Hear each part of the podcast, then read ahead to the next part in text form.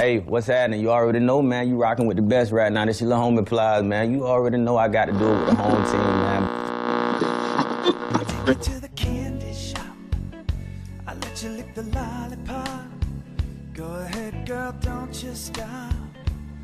Harms küsib vastu. kas sa pangalaenu juba kuulasid? ja tere tulemast taas kord Pangalaenu äh, järjekordsesse episoodi From the set ehk siis oleme otse konkreetselt äh, filmivõtte äh, keskelt tulnud siia, ma olen seitse tundi teinud mitte midagi tarka nagu ootanud lihtsalt, kui inimestel on no mingi tekib vaba aeg ja et neil oleks aega, et minuga päriselt rääkida ja siin on minu ees istub nüüd üks mees, kes on siis, kes, räägi, kes sa oled nagu, minu jaoks oled sa kaablimees, sest et ainult tänu sinule praegu toimib see kogu kaadervärk nagu. ma olen, ma olen siis Mihkel äh,, olen tegelenud keskajaga juba pikemat aega, koos äh, sõpradega alustasime ka ilusate elamustuuridega, mis on meid nüüd tänapäeval viinud välja siia, kus me täna filmisime. Ja täna käisin niisama massitseenis abiks, muidu eks äh, vanalinna peal tuure sai tehtud, kuniks veel meil külalisi oli siit väljamaalt, aga mis see tähendab tuure tegema, mis, mismoodi see, kuidasmoodi, ma saan aru, et äh, ühesõnaga, et sa oled siis nii-öelda, teed keskaegseid tuure ja oma keskaegsetes äh, vahvates riietes nagu, et äh, mismoodi see välja näeb nagu? Eks seal muud ei ole, kui kogud inimesed kokku, kõik, kes kaugelt maalt on tulnud, kaema meil neid ilusid, mis meil Tallinnas olemas on. nagu me teame, siis meil Tallinn on ju üks äh, kõige ilusamini säilinud keskaegseid linnu maailmas aa, Reval jah? ja Reval täpselt nii ja kuna meie nimi on siis tuuridel ka Tales of Reval, siis äh, räägime me lugusid, mis siin linnas on juhtunud, kuidas see linn olema sai, miks ta on meil niivõrd kaunis ja ilus, kui ta ka tänapäeval veel on. okei okay,, enne kui me läheme nagu sinu juurde, räägi üks äh, kummituslugu. üks Kummitu- kummituslugu. kummituslugu Revalist. No ma ei tea, kas just väga kummituslugu on, aga ma ütleks, et kõige rohkem sihuke kummituse loo laadsem on üks, mis on Rataskaevus teada-tuntud, kus on siis purada, purada, kus on siis äh, kuradi pulmaga tegemist, kus äh, kurat ise olevat ka kohapeal käinud ja keda ka saatan ise tuli koha peale või? Ise tuli koha peale, nii olda siia räägitud, väiksesse Tallinnasse tuli lihtsalt äh, kutt tuli kohale ja siis tegi, mis ta tegi siis? eks ta pidas ikka oma pulma, aga ütleme nii, et see majarahvas, kes talle seda maja ja pinda pakkus, et ega nendega hästi ei läinud, et kui kuradiga juba kord oled käed löönud, siis ega sealt enam hea nahaga välja ei saa. nii, mis juhtus siis? noh, pikk jutu, jutt äh, lühidalt oleks siis see, et äh, kurat tuli, soovis pinda, kus saaks head ikka pidu, nagu meil siin kombeks on, ja lõppkokkuvõttes ei jälgitud siis neid tingimusi, mis ta oli seadnud, anti äh,, anti talle võimalus siis kätte maksta selle eest, et äh, et äh, jälgiti tema pidustusi ja vaadati, millised ta need sõbrad kõik seal on ja kes, kes ta kokku on kutsunud. kurat, see kõlab nagu see vana restoran, mis on äh, ka Rataskaevu tänaval, see Du Nord restoran, et seal on äh, täpselt mingi, täpselt siuke energia tundub olevat nagu. No kui kohapeal ära käia, eks siis tunneb paremini, et äh, aken on veel siiani seal, kus need on välja vaadanud kõik need kuulsad tegelased seal ja aga eks ta ole üks sihuke hea lugu rohkem, et äh, asi, mida ka meie teeme, on see, et üritame siis äh, leida üles neid juhtumeid ja juhtumisi, mis meil siin linnas on ka nii-öelda päriselt juhtunud, et aru siis saada ja mõista, et kust üldse see kaunis linn alguse sai, et tihtilugu me räägime ju lugusid, et eelmisest sajandist ja ajalugu on meile küll tähtis ja südamelähedane, aga ma arvan, et äh, enam kui küll võiksime me pöörata ka tähelepanu kaugemale ajaloole, et kust see kõik üldse tulnud on. miks meil üldse on võimalik siin tänapäeval olla. okei okay,, keskaeg, kuidas sa avastasid enda jaoks kesk, keskaja nagu, et kuidas sa sattusid sellesse nii-öelda, sellesse kaliibrisse nagu, üleüldse nagu? No nagu kõik head asjad, siis need tulevad äh, niisama muidusu juurde Ise., et äh, ise tulevad? et tuleb olla avatud mõtlemisega ja võtta ette asjad, mis sulle ette pakutakse maailma poolt, ütleme siis nii ähm,. olin mina noor äh,, vajasin tööd, leidsin siis töö gümnaasiumi ajal Oldehansa majas, maja esinduse vormis ja pärast kuut aega oli juba selge, et see on midagi, mida mulle meeldib teha ja sealt kõik edasi areneski, et nii äh, alustasin ka mina enda tööd põhimõtteliselt Old Hansas nagu noh, natuke küll teises võtmes, aga, aga põhimõtteliselt täpselt sama nagu noh, ma olen dinosaurus selles mõttes selles majas nagu, et Aa. ja et kui keegi veel aru ei ole saanud, siis äh, salvestus toimub Old Hansas äh, on äh, minu vana töökoht äh,, väga äge on olla siin tagasi üle kümne aasta hoopis täiesti teises võtmes. käituda nagu kuningakass äh,, aga tegelikult oled ikkagi väike pilbas jah, aga ei, okei okay,, selge, kaua sa oled töötanud siin, kaua sa seda pulli oled nagu siis nii-öelda nagu kannatanud? eks kannatanud ei ole, ainult nautinud. kui juba mõelda, siis tegelikult äh, varsti saab juba kümme aastat täis, et äh, veel päris täpselt ei ole, aga alustatud sai siin noorena ja äh, eks siis viis aastat töötati ära, siis viisid teed siit majast eemale ja ja kui siis äh, sõbrad tulid juurde ja pakkusid välja, et teeme niisugust huvitavat asja, et hakkame vanalinnas ringi käima, tutvustama kaugemaa külalistele seda parimat külge meie enda Eestist, siis äh, kõlas see midagi, mida kindlasti teha tahtsin ja ja ülejäänud on juba ajalugu. okei okay,, mida sa tegid terve see aeg, kui vahepeal meil siin kõik pudjad kinni olid nagu, mis äh, arendasid ennast lihtsalt ainult puhtalt või, või, või kuidagi leidsid mingi siukse, mingi loophole'i kuskilt, et kuidas ikkagi seda nii-öelda jätkata või? Mina ikka läksin kõige mugavama vastupanuteed, võtad lihtsa hea restoranitöö, kus on kindlasti ka tööd pakkuda, võib-olla mõni natukene suurem, siis ei pea ka muretsema järgmise kuu pärast. Ja mida vähem pead ise muretsema, eks seda rahulikumalt saab eluga elada ja suuremas perspektiivis edasi minna. okei okay,, ühesõnaga, et sa tegid siukse väikse kõrvalepõike ja, ja siis kui nüüd jälle elu, elu ilusam on, et siis nüüd tulid nagu tagasi siia ja tulin siia tagasi ja vaatame, mis meil kõik need, kõik need ilmad ja kõik need tingimused maailmas on, et no räägime ilmast, no come No, on, mida veel? mis, mis meil toimub praegu nagu, mis sina arvad Eesti ilmadest nagu hetkel? mina sulle arvan tundu, et meil on lihtsalt sügis on käes nagu? ma arvan, et täna võib-olla küll, aga samas noh, tead, eelmise nädala kolm ilusat päikselist ilma, ma arvan, eelmise nädala ma- kolm päikselist ilusat ilmu, see ma arvan, et see oli eestlasele väga vajalik, et ka mina nägin, et pärast kõlab, kõlab, nagu Vello Orumetsa mingi siuke kurb nutulaul nagu eelmise nädala kolm ilusat suveilma nagu. võib kõla- kõlada küll nii, aga ma arvan, et see oli väga vajalik kõigile eestlastele, et ka mina nägin neid ilusaid naeratusi pärast seda pikka talve. ja ei, tõsi ta on, sain lõpuks aiast mingit tööd ka ära tehtud nagu, et äh, ja mida veel õnneks vaja äh, raha mm?. no,, no raha on vaja, andke kõik oma raha mulle. kui seal aias palju kaevata, küll tuleb. ei, tegelikult oli ja ei, see oli, see oli fantastiline, tõesti, ma sain oma äh, esimese päiksepõletuse näiteks, et mis on hästi huvitav, et ma kratsin tänase päevani enda selga nagu ja, ja, ja, ja ma tunnen, kuidas nahk rullub mu selja alt maha nagu, et äh, et selles mõttes aitäh nende kolme päeva eest Eestimaa suvi nagu, aitäh. on. tavaliselt öeldakse nii, et äh, keegi küsib, et äh, kuidas siis Eestis suvi on, siis ütled, väga kena, ma olin tööl sellel päeval. et äh, et, et tegelikult oli nagu täitsa, täitsa kena kolm päeva nagu, et loodan, et äkki see nädal ka veel kuidagi mahutab siia sisse midagi nagu. aga kuule, räägi endast nagu, üleüldse nagu, et, et kes sa oled, kust sa tuled, miks sa tuled? Mihkel, minu jaoks oled sa ainult Mihkel nagu. Noh, Mihkel on. olen Mihkel, olen Lennuk, olen Mihkel Lennuk, tulen Tallinnast, olen eluaeg Tallinnas elanud, küll ühes otsas, küll teises otsas. nüüd äh, vahepeal käisin ka kaugemal maal ära reisimas, kus kohas? olen siis käinud äh, Kariibidel, elasin mitte Austraalias. mitte Austraalias oo, väga äge, kurat siis ma viitsin kuulata ka nagu. Va- vahe- vahelduseks midagi ka äh,. käisin Kariibides äh,, elasin seal, oli seal? surfilaager oli, mida majandasin, sai sai head ilma sa oskad nautida. surfida ühesõnaga? No ütleme nii, et surfimine on niisugune kõrvaltegevus, aga kitesurfimine ja lohesurf on siis ikkagi see, mida seal tehti. okei okay,, aga sa oled selles nagu hea või? Ma olen selles rahuldav, ütleks ma selle kohta, et me oleme, ma olen siiski Eesti poiss, et äh, kui meil siin ilmatingimused oleks paremad, et ilmselt oleks ka natukene parem. aga tegelikult tõenäoliselt sa oled nagu meie silmis oled sa proff, aga mis juhtub vaata inimestega, kes oska-, oskavad nagu mingit asja nagu väga hästi teha, siis äh, nad muutuvad tagasihoidlikuks, ütlevad, no tead, ma niimoodi siin näpuotsast või oskan nagu teha natukene ühte koma teist nagu. et, et ma arvan nagu, et tegelikult sa oled vist selles päris hea nagu, võib nii olla.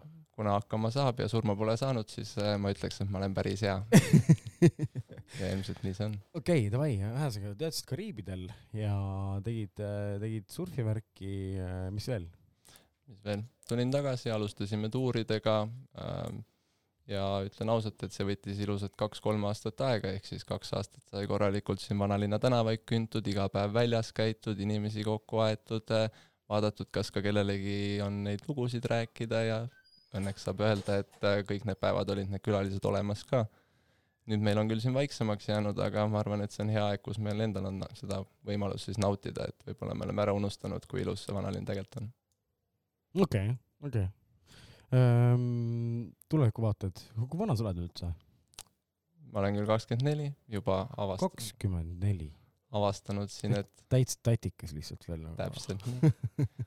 aga noh, eks kui juuksed ära lõika, lõigata, siis eks äh, kõik näevad nooremad välja, et äh, et ma avastasin hea mooduse siis, et mida pikemad juuksed, seda vähem inimesed vaevuvad küsima, kui vana sa oled ja ma arvan, et äh, kui see jube tihedaks muutub, siis lõpuks tuleb ikka juuksed tagasi kasvatada, ega siis enam keegi ei vaevu.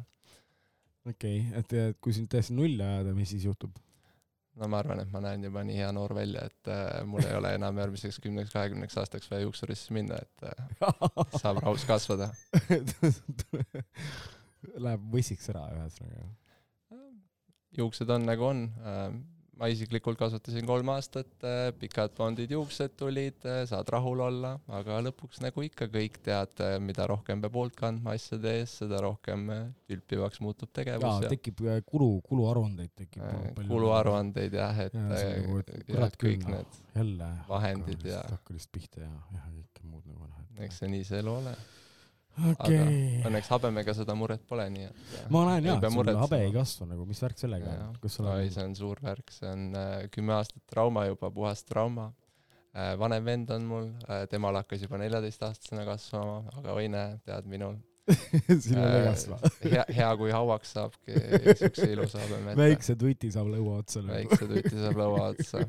noh, nii see elu käib palju sa kanepit ütlesid, et isiklikult olen teinud, naudin, aga vastavalt ajale äh, millal rohkem, millal vähem, kui Kariibides elada, ega see võib olla elu osa seal ja siis ei ole nagu mingi muud varianti ei olegi nagu lihtsalt, et see on selles mõttes nagu hommikul ärkad üles, enne kui silmad lahti teed, siis juba tuleb joint lihtsalt sõrmede vahele ja no selle kohta ma hea meelega ütleks, et seal ma õppisin äh, ilusa tõde, et ei ole midagi paremat kui hommikul vara ärgata, teha natukene tööd, siukest äh, aiatööd või rannas või riisud või liigutad, liigutad ennast. liigutad ennast võimlemise eest ja noh, kui juba keskpäev kätte jõuab, ega siis sa oled juba selleks ajaks piisavalt kaua üleval olnud, et võib ka natukene lõõgastuda ja ja loomulikult väike siuke noh, siuke meelepärane joint, miks Jah. mitte hambus nagu, et äh, tõmbad ennast kohe nagu nii-öelda äh, tagasi nendele nii-öelda ajulainetele, kus sa tegelikult olla tahad nagu.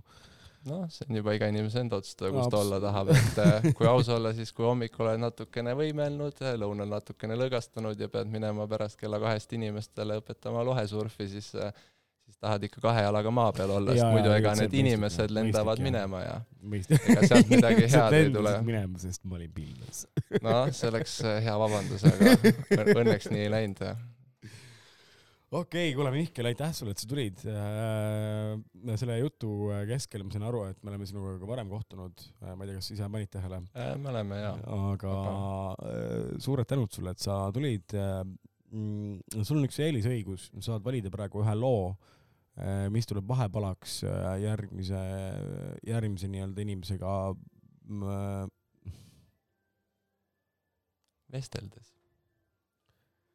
Saad äh, valida ühe vahepala äh, nüüd äh, siin ja kohe praegu siin ja kohe praegu. just, see on mu lemmiktegevus alati siin ja kohe praegu asju valida. see ongi. See ongi asja võlu. see, on elu võlu tegelikult. see on elu võlu. tegelikult ähm,. no ma ei tea, kuidas teil siin tänapäeval on, et millist muusikat te lasete ja millist muusikat te ei lase, aga ma lasen seda, mis sa saa-, mis sa reaalselt tahad saada nagu. Ma ei, ma ei, ma selles mõttes, ma, mul on jumala suva nagu, mina ei heiduta tagasi nagu, keegi võib mulle öelda, et, et äh, Mooses, ära teeni, mul on jumala suva, ma panen selle loo, mis, mis Mihkel tahab kuulda. aga mulle meeldib see, milline meil elu on ja sellepärast mulle meeldib ka lugu nimega Mulle meeldib see ai, Ursula või? jah, täpselt nii. mulle meeldib see, mis sa minuga teed. ja ma arvan, et see on piisavalt äh, okay. positiivne lugu, et ka siit edasi kanda asju. siis äh, egas midagi, Mihkel, aitäh sulle, tee aplaus iseendale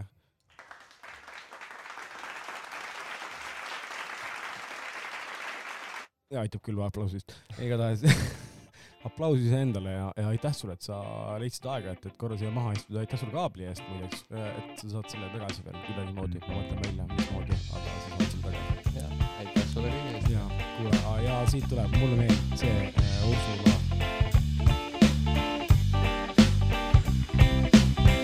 mulle meeldib see, mis sa minuga teed, aa jee. mulle meeldib see, mis sa minuga teed.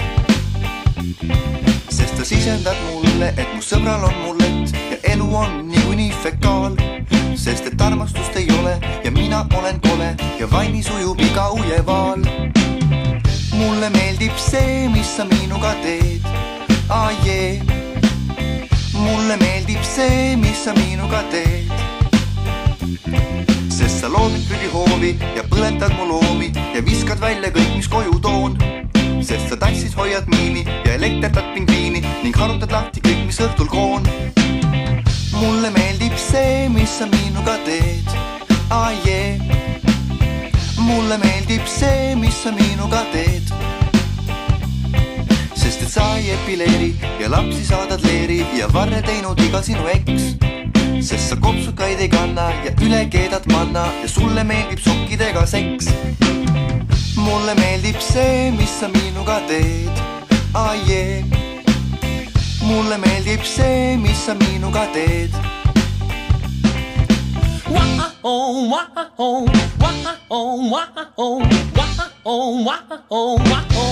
niisiis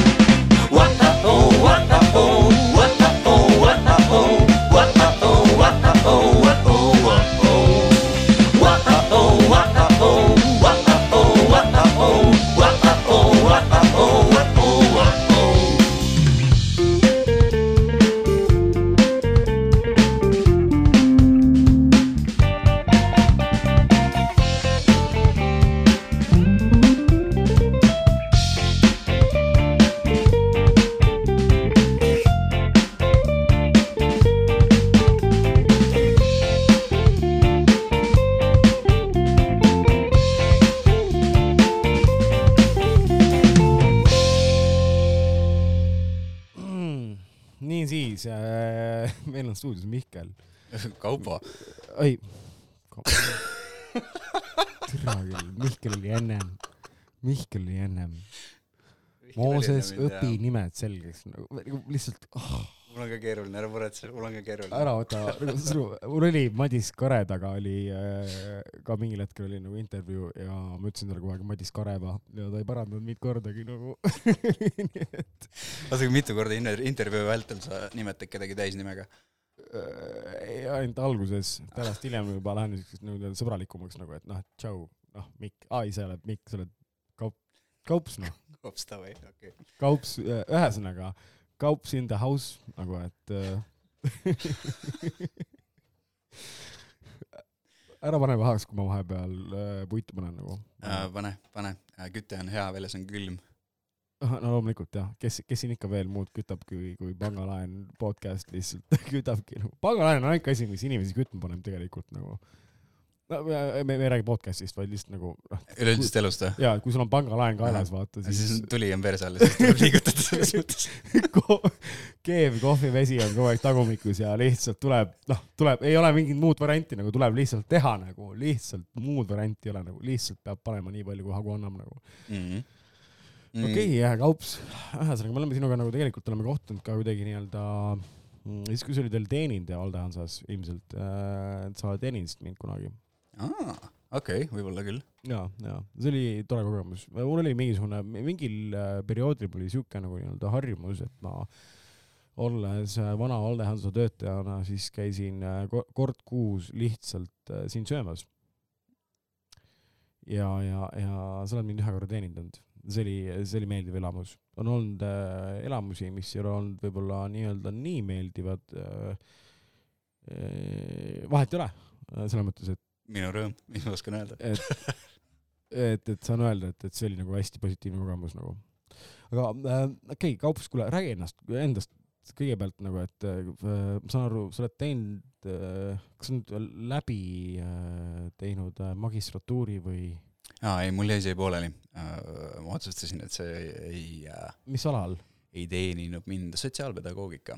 ehk siis, kui ma bakat tegin. Jesus Christ, kui igav teema nagu, sorry. tegelikult ei ole, tegelikult ei ole, tegelikult on räigelt põnev. aga, aga selle saab väga igavaks teha. selles mõttes, et ma bakas okei, aga okei selge, et kui ta igav ei ole nagu, miks sa ta pooleli jätsid siis?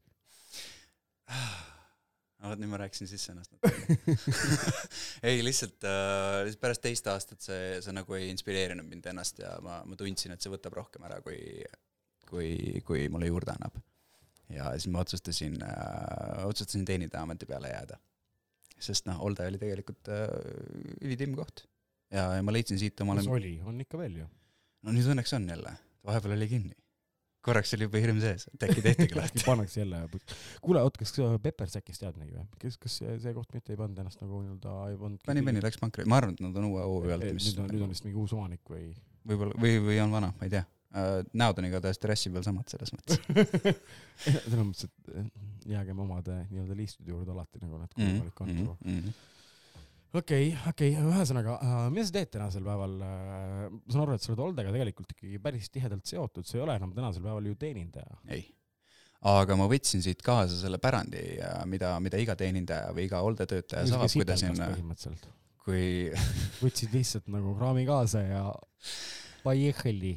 no vaata, kui sa aasta aega siin tööd teed, siis sa saad omale meistritiitli, meistrisõrmuse, uue nime aa ja jaa., ja, ja ma võtsin sellesama nime ja ma viisin selle tänavale üle, ehk siis äh, paari sõbraga me alustasime tuure kaks tuhat kaheksateist. okei, sul on meistri nimi, eks ole? Jah. ühesõnaga äh, lihtsalt kuulajate selgituseks nagu, et ühesõnaga jah, kui sa oled nagu Olde Hansas töötad, siis tegelikult on nii, et äh, äh, kui sa oled aasta aega töötanud, siis sul avaneb võimalus saada meistriks ja siis saad omale keskaegse nime. mul on ka keskaegne nimi tegelikult siin majas. las see jääda praegu, aga mis sinu keskaegne nimi on? Cedric Stimlich, tähistamaks siis Okei. okay. valihäält. okei, palun kor-. Cedric Stimlich. on kõik õnneks, kõik nagu saksakeelsed Eine nimed. Eine Volk. Of course you would laugh.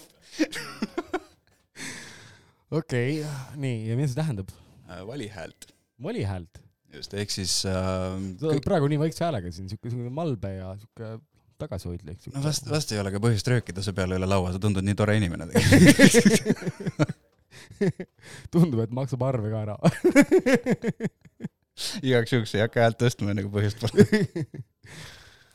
okei, ühesõnaga sa siis tänasel päeval sa tegeled hoopis keskaegsete story dega, kui Mhm, nüüd on mhm, nii-öelda noh, mhm, ütleme mhm. modernsele rahvale nagu nii-öelda jep, jep, jep. Et sa viid inimesi kurssi, vahet ei ole, kust, kust maamunalt nad kokku on tulnud, selgitad neile, räägid, et mis tegelikult päriselt vanas Revalis toimus nagu.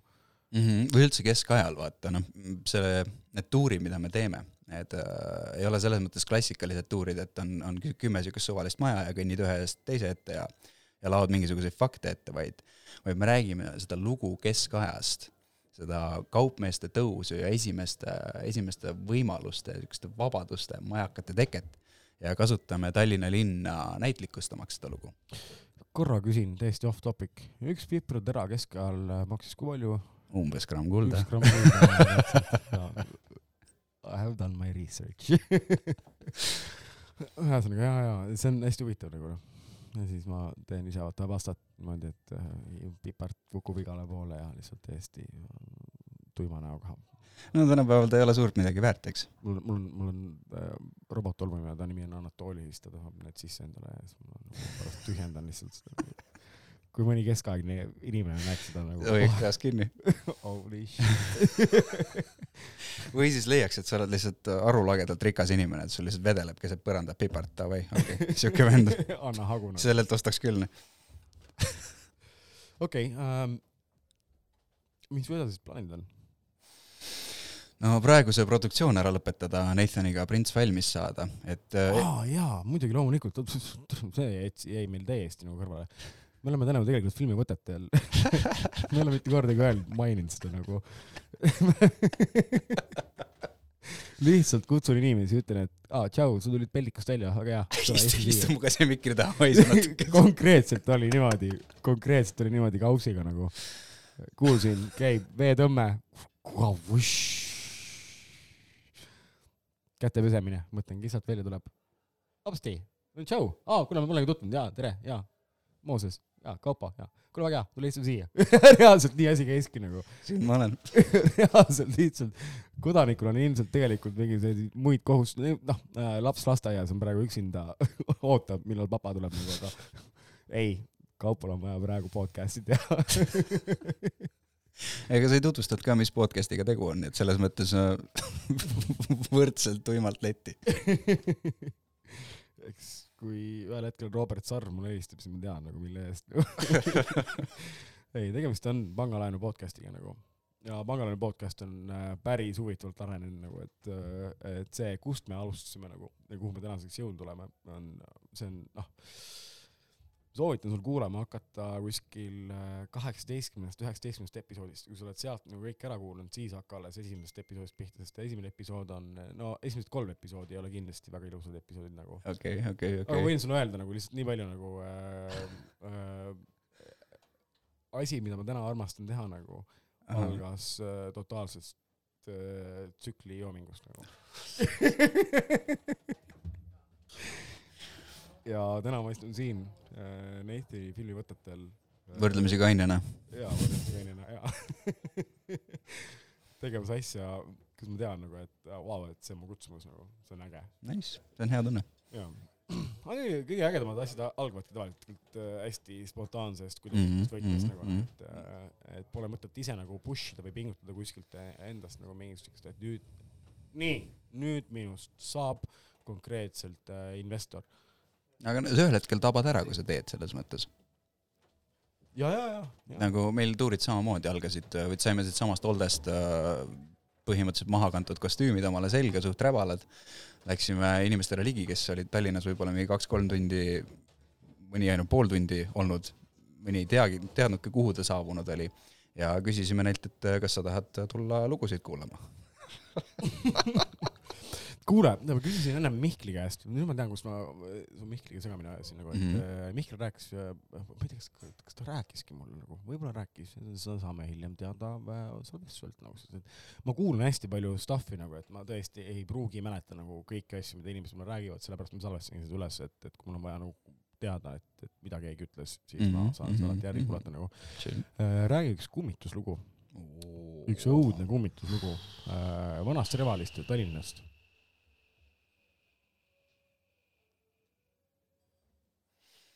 näen, et ma peaks nüüd välja mõtlema ausalt öeldes, Tallinn on maru vaene üllatuslikult keskaegse linna kohta kummituslugude. ei no lühikeses jalas on ju kummitus ju. mis story sellega on? sa ei tea? Mm, lühikese jala torn, jaa, see pidi olema üks kõige kummituslikumaid kohti, aga see on selline mm, nii ja naa, nii ja naa. see on siuke, seal on hästi palju toimunud, et siukest ühte kohe, kohesiivset lugu justkui nagu ei saagi kätte, aga mm, Taani kuninga aias, seal on üks torn. Neitsi Nii. torni kõrval, kõrval ja sellega oli selline lugu, et üks, üks aadlik poeg, kes oli ennast korralikult täis pummeldanud, viidi sinna kainema, kainenema. Tallitorn see oli nagu nimi. siis keskaegne kainestusmaja või? no tema jaoks oli, ehk siis ju siis oli torn vaba ja uks käis kinni ja poiss viidi lihtsalt puhkama sinna. kusjuures see oli hästi huvitav nagu, et näha mõelda, et kuidas keskajal nagu siukseid asju händeldati nagu, et, et kui mingi tüüp on ikkagi nagu noh, nii-öelda toorelt ennast täis joonud nagu. mm. -hmm.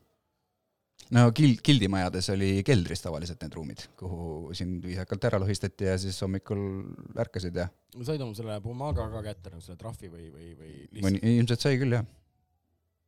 on ikkagi tähendatud, et äh, okei okay,, oota siit küsimus, kui ma saan trahvi keskajal mm. -hmm. siis äh, kuidas, kui ma seda nüüd ära ei maksa, siis mis minuga juhtub? Pannakse sinna võllaposti rippuma ja, või? hea küsimus. tead, ma ei tea, mis sinuga juhtub. peaks midagi välja mõtlema. ma arvan, et kindlasti äkki keegi laenu sulle ei anna või, või, või su sõna maksab oluliselt vähem või, või äkki oli mingi karistus. No ma ei tea, kui sa oled nagunii see tüüp, kes juba nagu keldri, keldri. Markus, mingi kümnendat korda seal keldris oled. su sõna ei maksa. lihtsalt ei, ei nagu ei ole mõtet seda trahvi enam väänata, sest niikuinii ei maksa ära. siis ma ei tea, mis äkki visatakse lihtsalt linnamüüridest välja, et kuule, mine ela seal kohalikega, vaata, kuidas meeldib. aga päriselt niimoodi või? linnamüüridest välja? ossa raisk. see on küll päris karm nagu. Ma ei ole kindel, kas neid saadeti välja, ma mõtlen lihtsalt, et eh, mis, mis oleks see järgmine loogiline asi, mida teha selle vennaga, kes lihtsalt nagu tuimalt tuleb kohale, joob ennast täis kümnendat korda, trahvi ei maksa. mis, mis ma teen, mida ma teen sinuga? kaua ma sind kinni hoian, ma pean süüa sulle andma, see on jälle kulu, noh. oot, aga, okei, või no kummituslugu on tegelikult pooleli, aga, aga äh, okei okay,. Üks küsimus veel, kas see vastab tõele, vaata, et siis, kui sa petsid oma naist ja Mhm. naine teada sai sellest, siis ta võis äh, võtta sind kuidagi sinu selle noh, nii-öelda selle ihuliikme ja alasti mööda raekoda talutada, ka mina olen seda kuulnud. et siis ongi nagu siuke noh, nagu sealt kuskilt äh, äh, no ütle nüüd see sari noh, et äh, keskaegne sari. äh,, sa mõtled Game of Thronesi Game of? Thrones jaa, sorry. aa jaa, see okei, see, see kuninganna jaa, see on shame, shame mm. -hmm. shame, eks ole, et, et põhimõtteliselt sul ongi nagu siuke shame'i moment nagu, et põhimõtteliselt, oota, aga mis siis on nagu, et kas see on nagu okei okay,, vaata, et davai, tõmmatakse mul nagu see nokk sinna keti otsa ja siis jalutan, naine talutab mind mööda kuradi äh, seda äh, Munakivi teed seal või noh, Munakivi platsi Mhm. Ja siis ma nagu justkui oma indulgentsi ära nagu maksnud, et siis ma võin uuesti minna ja purutama minna või pärast seda tahad uuesti minna kui sa oled ühe ringi ära teinud, siis vahet ei ole enam, mitu ringi sa teed nagu noh No-, see on, see on nagu absoluutne häbi noh, selles mõttes, et nagu juba on läinud nagu. siis see muutub lihtsalt fetišiks selles mõttes, sel, sel hetkel see on lihtsalt asi, mis sulle meeldib teha, alasti mööda Raekoja platsi ringi käia, et no siis lased, lased uuesti. aga muidu avalik häbi on, on väga eriti võimas. veider oleks, kui sul oleks kõva samal ajal. siis ma ei tea, äkki nad teist korda ei pane sind jalutama, kurat meeldib. mõte sellel on. okei, ühesõnaga äh, kummituslugu. aa, no nii, seesama enne, aadlik. enne kui, ma näen siin juba, et äh, see on Siim, eks ju. Siim, Siim sügeleb, Siim, Siim sügeleb, hõõrub käsi siin ja juba siin äh, vaatab ahnet mikrofoni poole. Ja siin, siin teine mees on juba siuke nagu tülpine, aga mõtleb, et millal, millal, millal nüüd see läheb. ei, ta on lihtsalt, ta on lihtsalt rollis sees veel. aa, okei, okei. aa, ta, aa, ta tapeti ära just, okei. ma oleks ise ka päris nukker. mingi kolm tundi järjest saad nugale, siis siuke, noh, kolm tundi on jälle tapetud lõpuks nagu viskab veits üle, et see emotsionaalne lävend on suht madal. mast on maas. nii, ühesõnaga äh,, kummituslugu. aga sa tahad ikka seda kummituslugu? muidugi. ühesõnaga see aadlipoeg äh, lammutas seal tallitornis omajagu äh, ja, ja karjus, et teda välja lastakse. ja ho- hommikuks, kui päike üles tuli, siis ta oli vist täitsa, juba täitsa soodaks jäänud. mis mõttes soodaks? ei, ei vastanud enam väga, väga ühelegi suhtlusmomendile ja, ja oli selline tühi silmist, mis asi? tühi silmist. okay.. Stoilisel nagu midagi toimub seal pilgu taga, et nagu keegi on kodus, aga sellel poisil ei, ei põlenud enam ühtegi tulukest. ja, ja, ja lugu oli, et et ta lihtsalt kuulis, kuidas terve öö ketid kolisesid ja, ja keegi röökis ta peale. nüüd Hardol võib-olla oli päris hästi tegelikult, kolm tundi nuga saada versus. ehk siis ta, ühesõnaga, et ta keeras ära sellepärast, et kuskil kõrvalruumis tegelikult oli keegi ära. ei, ta temaga samas ruumis. aga lihtsalt ta ei näinud kedagi. jaa. Mhm. siuke klassikaline onju. Oh, ega isegi tahakski nagu, ma, ma elan üksinda majas nagu ja mul on vahepeal endalgi nagu mingid siuksed kiiksud, kääksud käivad kuskil ja ma olen nagu vahepeal siuke, et mm, kas sa tahad ikka kell neli hommikul nagu, no nüüd on kell neli hommikul juba on enam-vähem nagu siuke peaaegu et siuke videvik vaata, et nagu päike nagu paistab, aga talvisel ajal nagu kell neli hommikul nagu väga ei julge oma toa uksest magamistoa uksest siis nii-öelda välja astuda nagu, et kui sa kuuled mingisugust kriginat või nagu, et mis on nagu siuke, no see ei saa olla nagu, see ei saa olla lihtsalt sellepärast, et maja vajub või maja liigub, vaid sa oled nagu täiesti kindel, et aga siis sa oled üks nendest vendadest, kui keegi röövima tuleb, siis, siis kui magamistuppa jõuan, siis vaatan, tüüp lihtsalt väriseb teki all. äh, kusjuures ma olen nii paranoiline inimene, et äh, mul on pipragaas ja mul on pipragaas äh,, mitte ainult üks pipragaas, pipragaas päris mitmes erinevas ruumis nagu igaks juhuks. Never know nagu, never know. millal vaja läheb. ei no päriselt ka never know. no võin rääkida sulle ühe story nagu, näiteks No. see tuleb küll täiesti keskaegsest äh, sellest nii-öelda äh, mõttelusest tuleb välja nagu, aga äh, ma müüsin eile maha ühe laptopi. Mhm. see oli vana Ordi laptop, millel oli neli gigabaiti RAM-i, ma ei tea, kakssada viiskümmend kuus gigabaiti HDD kõvaketas ja nii edasi nagu. internetiarvuti no siuke, noh, tahad Postimeest lugeda nagu mm.. mm,. müüsin selle seitsmekümne viie euroga maha, mis on tegelikult väga hea hind. päris okei. tegelikult on päris hästi kui saadud. mõelda, siis on päris hästi saadud. päris hästi saadud nagu. ja, ja, ja seisan siis seal, noh, kõigepealt on see, et loomulikult ostja muudab asukohta ja kellaaega nagu mingi noh, päeva jooksul kaks korda nagu ja siis nad tulevad lõpuks kohale, kaks tüüpi äh,, siuksed kõhetud ah,. sa tead, milline, noh, keegi ütleb sulle sõna pätt, vaata Mhm. Saad aru, vaata, et need on kaks pätti nagu, siuksed kõhetud tüübid äh,. nüüd kohe saad üle. see vibe on kogu aeg juures. nagu see mõte nagu, et davai, et äh,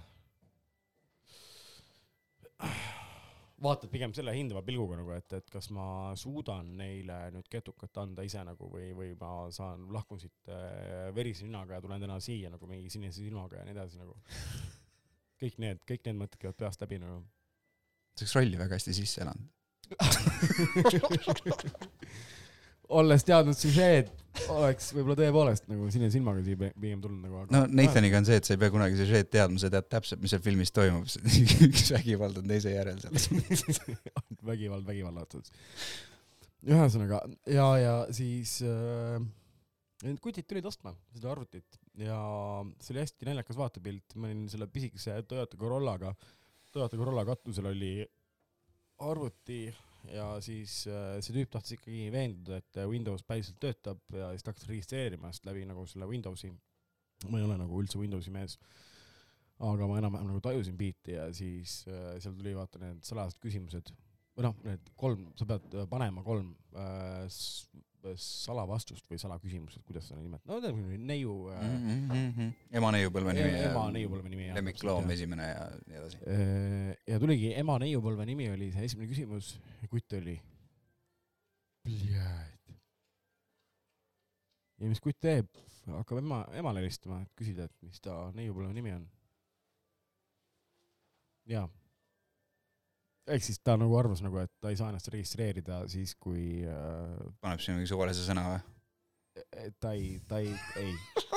ma arvan, et ta aga see oleks ju valetamine. ma ütlesin talle ka lõpuks, pane Sanja üks, kaks, kolm nagu. ta ütles, et ma ei saa, see ei ole mu ema neiupõlve nimi.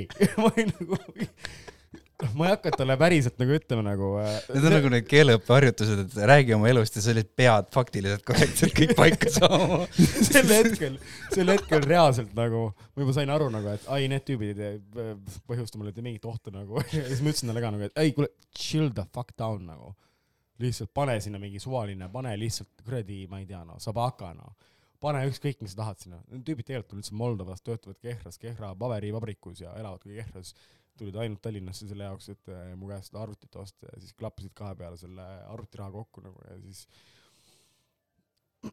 õnneks see teine tüüp, kes nägi tegelikult alguses nägi nii-öelda veel mm,, kuidas ma ütlen,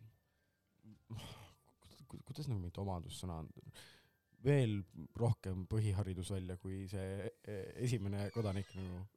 no ma tean, okei no ma tean, ma saan aru, et sa, ma enam-vähem, ma enam-vähem saan aru, kuhu sa sihid.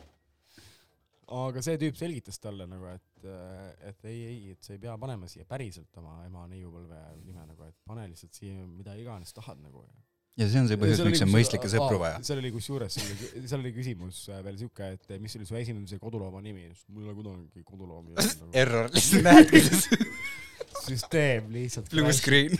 totaalne crash lihtsalt. Ma ei tea, kuidas me siia jõudsime nagu, aga lihtsalt ma tundsin, et ma pean selle oma hingelt ära rääkima nagu, see on mul nagu alates eilsest on olnud lihtsalt südamel nagu see, kokkuvõttes raha said, sain raha. nii, läpakas said ka lahti ja sain läpakast lahti. ja said teada, mis selle tüübi ema neiupõlve nimi oli. ei, aga ei huvita, kuni, ma sain raha vaata. no siis on vähemalt kaks võitu, selles mõttes on okei okay.. põhiasja said kätte. asja iva on nagu saavutatud. no see tuli vist kuidagi mulle meelde sellega nagu, et äh, tuled põlevad, aga kedagi pole kodus nagu, et Mhm. okei okay,, kuule, Kaupo, üliäge, meil on siin äh, tubli, ma arvan, mingi kakskümmend minutit on vähemalt, oota, ma ütlen sulle kohe mitte millestki juttu.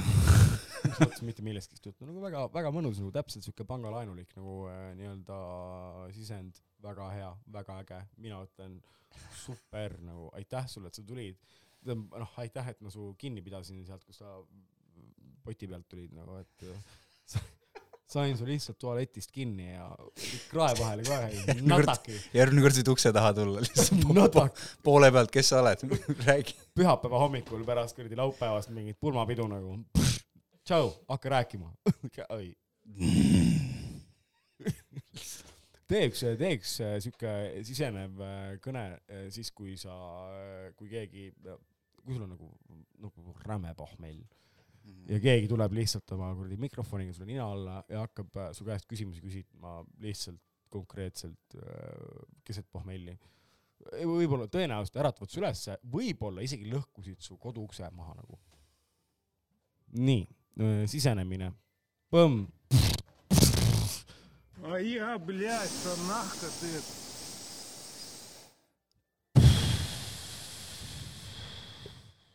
hakka vastama , hakka vastama.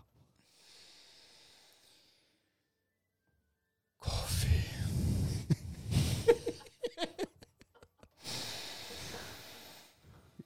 mida sa tahad? suitsu. praekartuleid. põrandat. põrandat.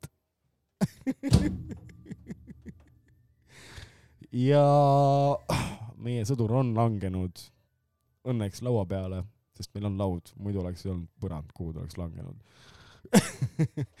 igatahes, Kaupo, aitäh sulle, et sa tulid. ja mis mul üle jäi, aitüma, et sa kutsusid. poole käigu pealt. poole käigu pealt lihtsalt ja aitäh sulle aega oli nagu.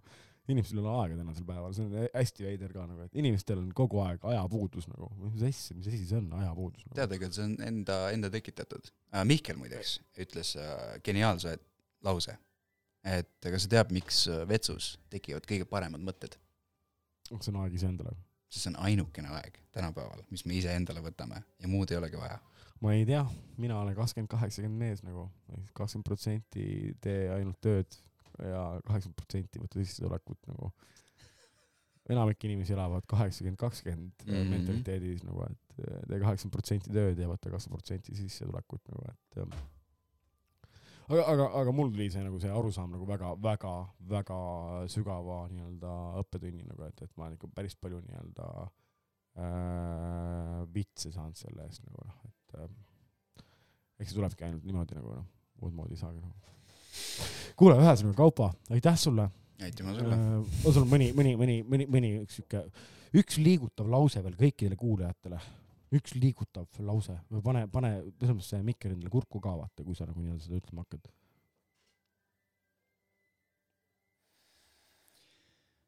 kes on Tallinnas ringi käinud ja imestanud, et kuidas on võimalik, et meil on niivõrd äge, ilusti säilinud keskaegne vanalinn, siis äh, tuleb ainult Facebookist üles otsida Tales of Reval.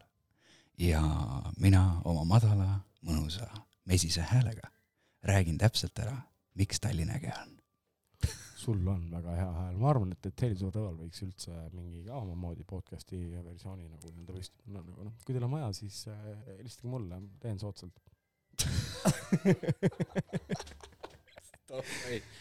okei, ühesõnaga, Kaupo, aitäh sulle, viska nukid. ei no, no, davai, no ühesõnaga ta andis nukid, mina surun kätt, surun nukke. Fine, nüüd on mõlemad tehtud ja purgis. oota, kas tahad mingit lugu ka või? uh,. nagu soovilugu või? soovilugu ja? kurat, nii koha pealt. vaatad Siimule otsa ja otsid soovilugu või?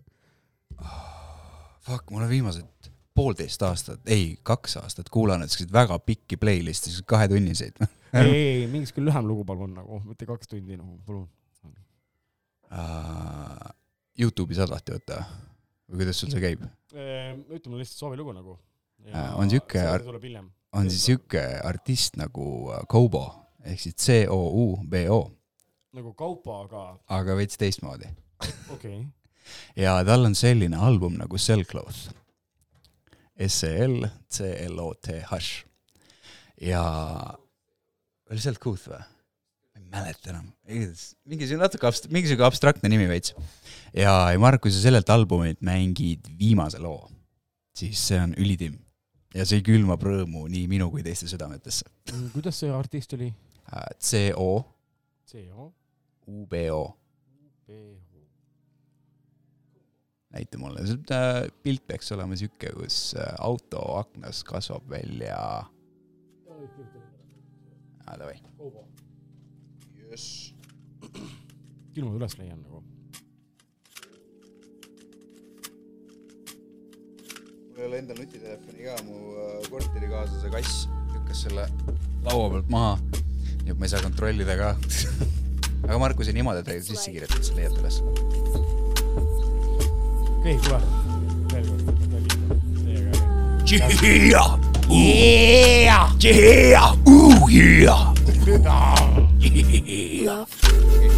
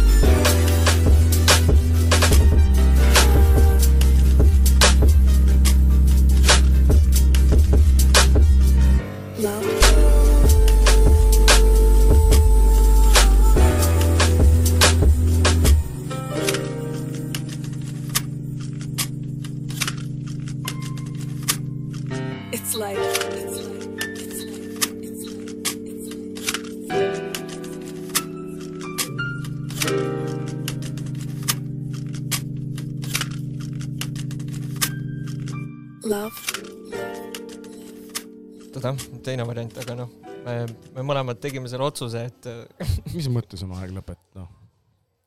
noh, kui sa oled nii meeleheitel, et sul on vaja see nikotiinilaks kätte saada, et sa oled nõus kellegi teise tupsu endale moka alla panema, siis no ei, ei, ei, ei. vaata, kuidas erokad toimetavad nagu. jaa. no see on jällegi isiklikust äh, perspektiivist võib-olla lähtuv, et ma üritan siin vaikselt ennast võõrutada sellest. aga Äh, samas sul on moka, tubakas on moka all. Jah. ma näen lihtsalt. jah, see, see on nii. ja ma saan kusjuures, ma saan aru nagu sellest ka, et, et, et sa oled selles mõttes veel rookie, vaata, et sul ei ole veel nagu nii-öelda äh, tekkinud seda, vaata seda, seda sügavat kohta, vaata. sest ma olen nagu jõudnud sinnamaale oma elus, kus on see, et äh, ma võin, mul on nagu reaalselt nagu padjakoht on üleval mokas nagu. okei okay., no mul selles suhtes, mul kunagi, kui ma väike olin, tehti niisugune asi nagu kidalõikus, mis on siis mingi väike nahariba või ja, tükk- ja, ja, ja jah, mul oli mis, kidaneet oli kunagi. okei, noh, mul, mul on see ära lõigatud. Et äh, ma näed, mille jaoks? ta kuidagi oli hästi visa ja väle kasvama ja tahtis tulla mu kahe esihamba vahele, ehk siis lihtsalt, et seda õigeaegselt vältida, lõigati see ära. kahe kuripattu, ja jah, just, väga, väga agar, okei. aga jah, kas tal oli nimi ka või? ei olnud ma ei jõudnud seda nimetada. ma lõigati ära enne jah ma, ega ma tegelikult väga ei teadvustanudki endale, et mul äh, siin üldse eksisteerib, kuniks, kuniks, kuniks see lõikus nagu äh, teemaks tuli okei okay,, kuule, aga eksisteerimist, Siim, me teame sinuga tegelikult teineteist juba päris pikka aega. päris, päris tükk aega., küll ainult nagu teretuttavatena pigem. noh, nii, nii ta kipub olema, aga Mm. aga siiski tükk aega, kas võis olla kaks tuhat, kaks tuhat kümme, ja, ja kuskilt sealt. üksteist aastat ja, ja, no pikka aega tagasi mm. -hmm. kus sul läheb? mul? Jah. võiks paremini minna. jäin oma rahakotist ilma ja tüdrukust jäin ilma ja tegelikult üldse nagu koer oksendas ka vaiba täis nagu ja no tegelikult, kui ma nagu hakkan mõtlema, peaks üldse kuradi selle stuudiokraami siin kuradi kokku kraapima, peaks üldse koju minema nagu, et raudsed koerad on kõik kohad täis sittunud ja kus oh,, sorry, aa, ma ei tohi ropendada ka veel siin podcast'i. no no ühesõnaga, kõik on lihtsalt pekkis nagu noh. kõik on nii halvasti, kui üldse olla saab, Siim. Siim, kõik on nii halvasti lihtsalt. No aga, Aga näed, see on, see on see on hea koht, kus äh, mõelda lihtsalt sellele looduslikule nii-öelda eluringile kui sellisele, et äh, kõik, mis läheb üles, tuleb ka alla, kõik, mis on halvasti, peab üks hetk muutuma paremuse poole, et äh, vaat-, vaata tulevikku positiivselt. ei, ma mõtlen nagu see, see, et ma siin saan sinuga rääkida nagu, see on minu siuke positiivne nagu nii-öelda oh,. Samad sõnad. mulle meeldib see, et meil on taustal käib lihtsalt Krishna nad mingisugune, nad tavaliselt käivad nagu ringi, ringi mööda linna onju, kuulutavad oma rõõmusõnumit, aga praegu, praegu, nad on statsionaarsed, neil on, neil on neil on see sõnum, mida kuulutada ja see on just siin. kõik juhtub põhjusega nagu.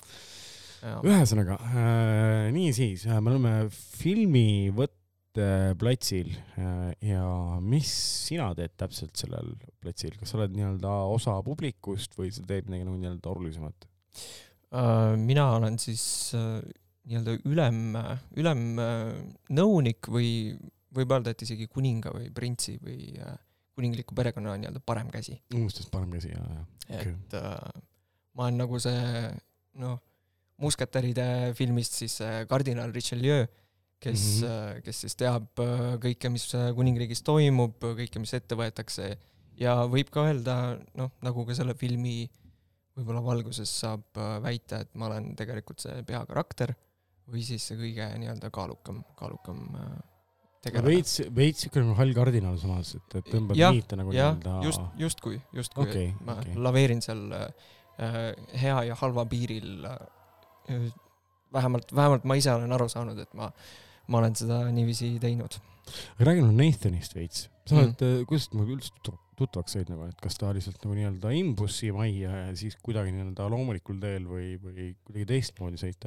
Äh, umbes täpselt nii, nii see läkski, nagu, nagu tegelikult enamus, enamus meile, kes siin filmis nagu suuremas osas kaasa teevad, et oleme kõik Old Hansa taustaga ja läbi, läbi siis Old Hansa tutvusime ka Nathaniga, et, oli see minu jaoks täpselt samamoodi. üks, üks, üks päev ta lihtsalt äh, tuli, tuli tühja saali, tellis endale mingisugune, jah, tellis mingi meeõlle ja, ja luges raamatut ja siis tegi seda paar päeva järjest. ja siis üks hetk me lihtsalt hakkasime rääkima. saime, saime kohe nagu sina peale. jah, võib öelda sina peale, et saime nagu hea, kuidagi õige, õigele lainele ja ja, ja. ja, ja siis mingi, mingi hetk läk-, noh, aeg läks natuke mööda, korraga sa avastasid, et ta tunneb juba tervet maja, ini-, majatäit inimesi nimepidi, olles ise just USA-st tulnud, ei tea absoluutselt eesti keelest midagi ja kuidagi lihtsalt sula-, sulandus siia sisse, noh, põhimõtteliselt nii kiiresti, kui üldse võimalik olla saab. ja noh, olles, olles siis ise ka nagu kogu sellest keskaegsest teemast väga sees, hakkas äh, tegema siin äh, erinevaid fotoprojekte, niisuguseid maalilisi kunstilisi pilte, mis arenes välja edasi üheks filmikatsetuseks, siis järgnes juba teine projekt, mis tuli kusjuures of Revalile, kes, kellest siin äh, äsja juttu oli, ja nüüd ongi siis kätte jõudnud kolmas film. mis selle filmi nimi on? see filmi nimi on The Prince. The Prince, okei okay,, siis ma, ma ma ei jõua äh, ise Prince- kohe välja öelda nagu, et äkki ma panen puusse nagu, aga Jah. The Prince. et äh, Prince, Prince on küll äh, siis keegi teine. see on nagu lühifilm või see on nagu? see on äh, jah, ta on äh, lühifilm, me oleme see kokku filminud nüüd vist, oli täna kuues päev, kui ma ei, õigesti mäletan jah, eelmise nädala pühapäevast. iga päev ja loodetavasti lõpetame siis homme viimaste stseenidega. mm.. et siis, siis jääb siinsamas juba Olde Hansas. Äh, viimased stseenid ma olen aru saanud, et äh, toimuvad hoopis kusagil metsas äh, või siis linna peal, et äh, aga jah, lõviosa stseenidest on, on filmitud tõepoolest Hansas. okei okay.. sinu side Olde Hansaga, kuidas alustasid Olde Hansas üldse? mina alustasin Olde Hansas ähm,, proovipäev oli mul kaksteist detsember kaks tuhat viisteist. alustasid teenindajana, eks ole? Okei okay., tulid kohe teenindajaks. kohe teenindajaks, ma tegelikult äh, käisin kunagi ka vestlusel Olde Hansas, see aasta oli siis kaks tuhat üksteist, see oli vist äh, juba see aeg, kui sina mind esi-, esimest korda mind ei võetud nagu. jaa, mind samamoodi ja see noh, tagantjärgi, kui ma olen seda teistele inimestele rääkinud, keegi ei suuda seda uskuda. kuidas see võimalik on, et äh, noh, säärane inimene või noh, säärane teenindaja, ma julgen väita, et ma olen siin aa ei, siin majas on, nagu te-, teada-tuntud nii-öelda tegelane, karakter ja, ja lihtsalt juba see tõsiasi, et, et esimene kord see nagu ei läinud nii, nii käima, et seda peeti nagu imelikuks. mul lihtsalt-, mul on, mul on hoopis pigem teistmoodi küsimus nagu. miks mind siis teisel korral võeti, kui mind esimesel korral ei võetud? Aga see on palju ägedam küsimus iseendale. absoluutselt ja, ja noh, minul isiklikult äh, läkski nii, et äh, Olde Hansasse ma ei saanud. tol ajal oli plaanis minna veel ülikooli füüsikat õppima. Olid, füüsika on üks mu lemmikaineid no.. on väga põnev, ääretult On, põnev, kõik, kõik see, mis Ma tänapäeval kõik- äh, toimub, need avastused, mis tehakse, see on lihtsalt äh, oma endisele vap-, vapustav aeg, kus elada. endisele neiule ma proovisin kõiki asju selgitada nagu, et, et miks mingi asi juhtub, on äh,, proovisin alati selgitada läbi füüsikaseaduste ja äh, keemia ja see üldse ei olnud tema jaoks põletavalt huvitav nagu. ta oli täiesti, ta oli lihtsalt nagu mingi please just shut the fuck up nagu ja do your stuff ja nagu palun ära räägi mulle füüsikast nagu ja ma olen lihtsalt nagu mingi nii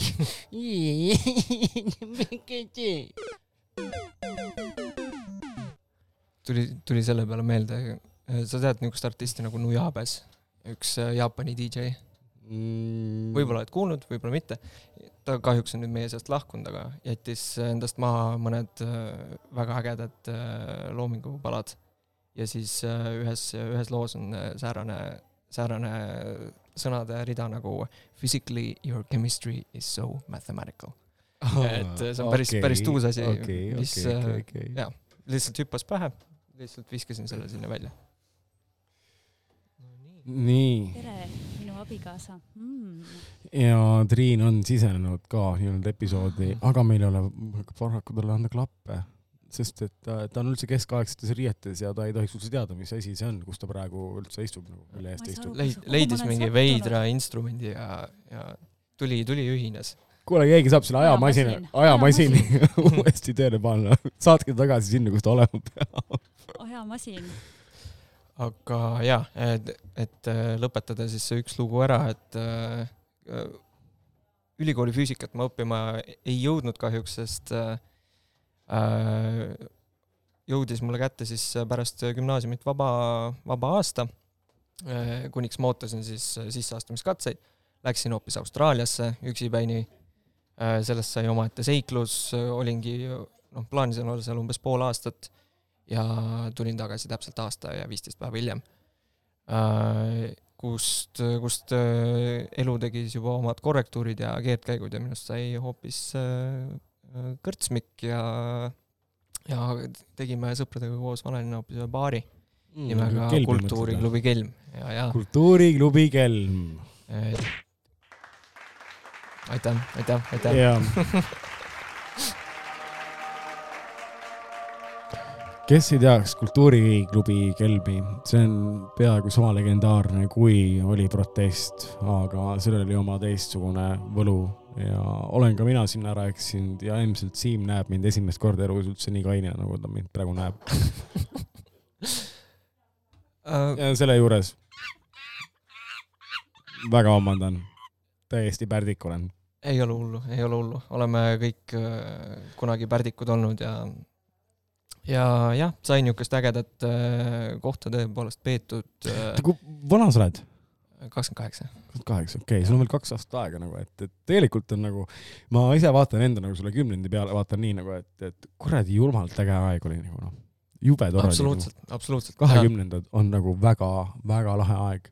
Et äh, meil, meil ka selles suhtes nagu joppas, et me ha- hakkasime kohe nagu suure, suure hurraaga pihta ja olimegi umbes, me olime jah, me olime kakskümmend saamas kakskümmend üks, kui, kui nagu kelm äh, sai nagu jaa, see, teooriast äh, teostuseks ja lihtsalt see on fantast nagu selles mõttes, et, et isegi kui vaata, need mingid asjad jäävad nagu nii-öelda lõpuks mingil hetkel nii-öelda, no mitte unustuste hõlma, aga nagu, et okei okay,, see on tehtud nüüd nagu, mm, see linnuke on kirjas nagu, et äh, hästi äge on vaadata nagu neid kahekümnendaid nagu just täpselt, noh, mina vaatan oma kahekümnendaid praegu täpselt siukse pilguga nagu, et mingi vau wow,, fucking vau wow, nagu kui nagu noh, et kuidas ma üldse veel elus olen kui crazy aeg see oli nagu, et kui, kui nagu noh, nii sõgedaid mingeid otsuseid on vastu võetud nii, et, et täiesti vastutustundetult nagu. täiesti.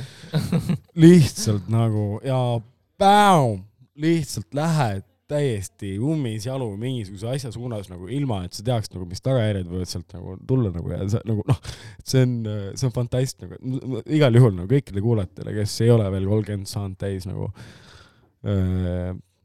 kahekümnendad on kasvamise aeg nagu, see on see aeg, kus tulebki nagu nii-öelda selles mõttes noh, härjal sarvist haarata ja tehagi oma lollused ära nagu ja tee oma lollused ära nagu, sest et, et kui kolmkümmend saabub nagu, siis sa saad uuesti lollusi hakata tegema, aga puigeldes kõrvale kõikidest nendest vigadest, mis sa oled teinud nagu no. et, et, et seal on nagu seal mingi hetk jõuab lihtsalt kätte see piir, et äh, noh, võidakse hakata, hakata nagu on- vaatama altkulme, et, et sa oled kolmkümmend nagu, et äh, on aeg, on aeg hakata no, nii-öelda inimeseks ja asjalikuks enam.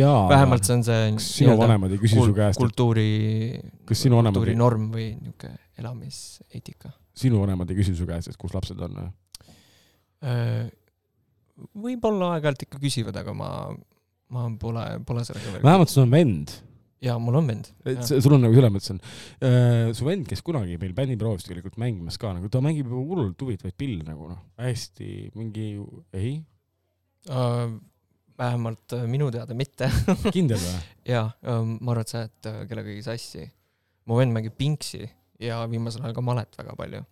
aga instrument kurat küll, on üks sinu perekonnaga, perekonnanimega äh, üks Ahah. tüüp, kes näeb välja nagu, et ma võiks va vabalt arvata, et ta on su äh, vend, aga ma pean oh., ma pean selle järgi vaatama nagu noh, see selleks okei, okei. sest ma olin okei. täiesti kindel, et ta on su vend nagu noh. ma Aa. olin, ma olin nagu aastaid kindel nagu, et aa okei okay,, see on siuke perekond, selge pilt nagu, et Siim on ka siis siuke veits mingi. ei no seda, seda nagunii, aga lihtsalt jah, muusika, muusika poolest on, muusika ja instrumentide õppimine on meie peres läinud nagu natukene, natukene mööda meist. Et küll üks kitarr majapidamises on, ostsin ta just.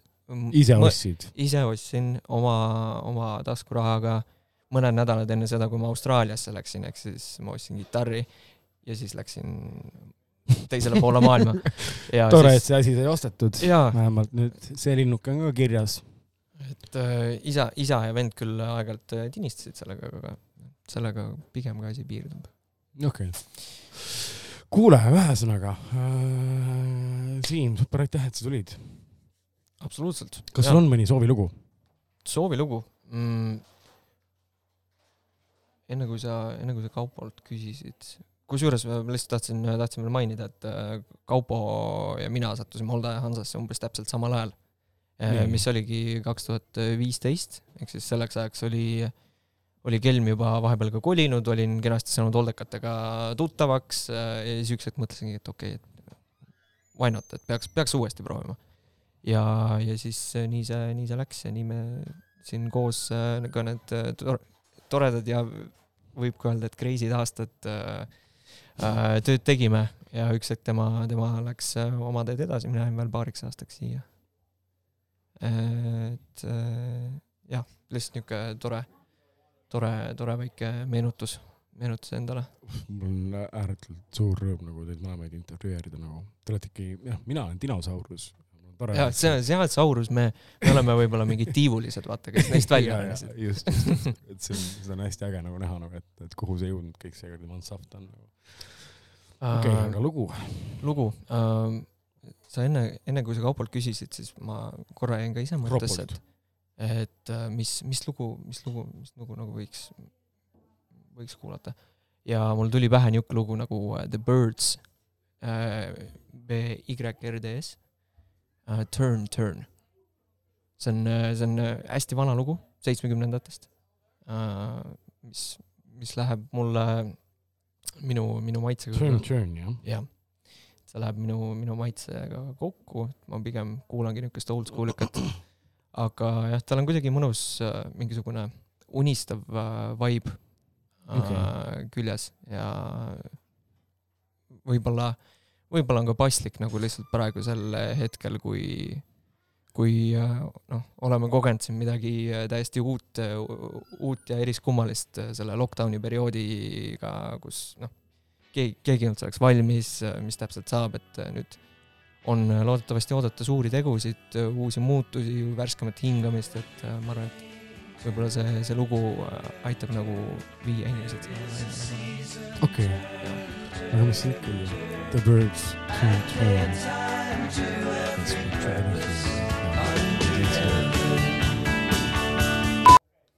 ja jah, muidugi ja oot-oot-oot-oot-oot, ennem ei pane mitte ühtegi lugu mängima nagu, et selles mõttes Siimul on veel midagi öelda nagu.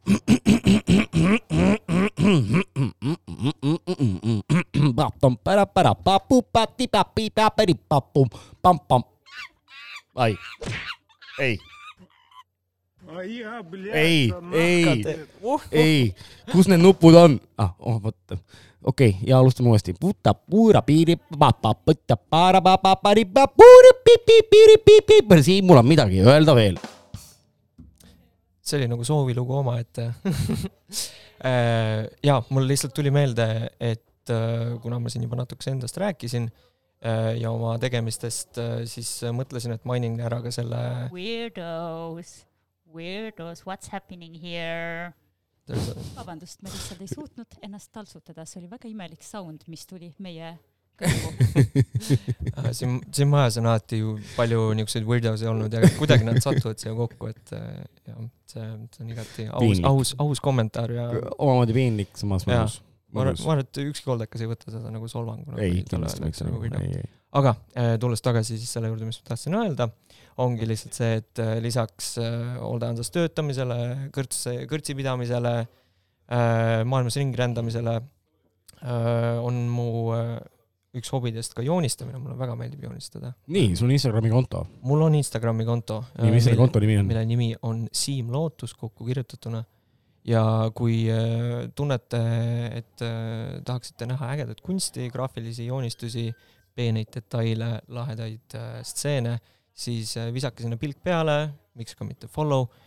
kui on mingisuguseid kuna soove teha kellelegi mingi kingitus. kui sul on idee, kui sul on idee, idee teha, tegemaks mu ema mingi tätoveering, kui sul on idee, siis võta ühendust Siim Lootus Instagramis, et äh, ta mõtleb välja sulle selle asja nagu. absoluutselt. päriselt mõtleb välja sulle nagu, tahad tätoveeringut, tahad emale kingitust teha, tahad, tahad lihtsalt kaarti, tahad lihtsalt pilti, vahet ei ole nagu, selles mõttes, et Siim mõtleb välja, Siim teab, Siim Lootus Instagramis, at Siim Lootus, nii lihtne ongi. nagu At Siim, kes pakub sulle lootust, aga nagu täpselt nii. noh, päriselt, lootus sureb viimasena. aga Siim ju elab. ma, ma praegu elan ja ma olen täie tervise juures. jah, okei, kuule Kuule,, davai, sai vähemalt see nagu veel ka purki ära öeldud nagu, et ja nüüd tuleb siit sinu lugu nagu ja kolm, kaks, üks, kolm.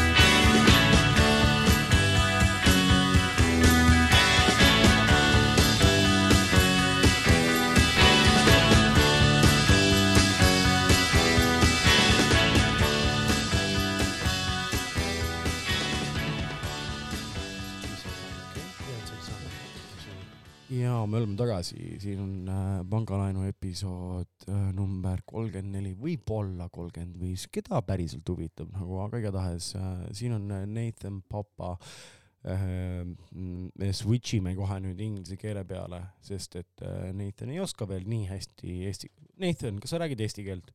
A little bit. Just a little okei bit. okay,, selge, nii, me saime nagu nii-öelda, saime pointile pihta nagu, et see on põhjus, miks me peame lülitama ennast üles nagu nii-öelda üles, tere, loll, ümber inglise keele peale. So, hey Nathan, and uh, if you could just come a little bit closer to the microphone so everybody can see, um, can not see you. There we go. That's good.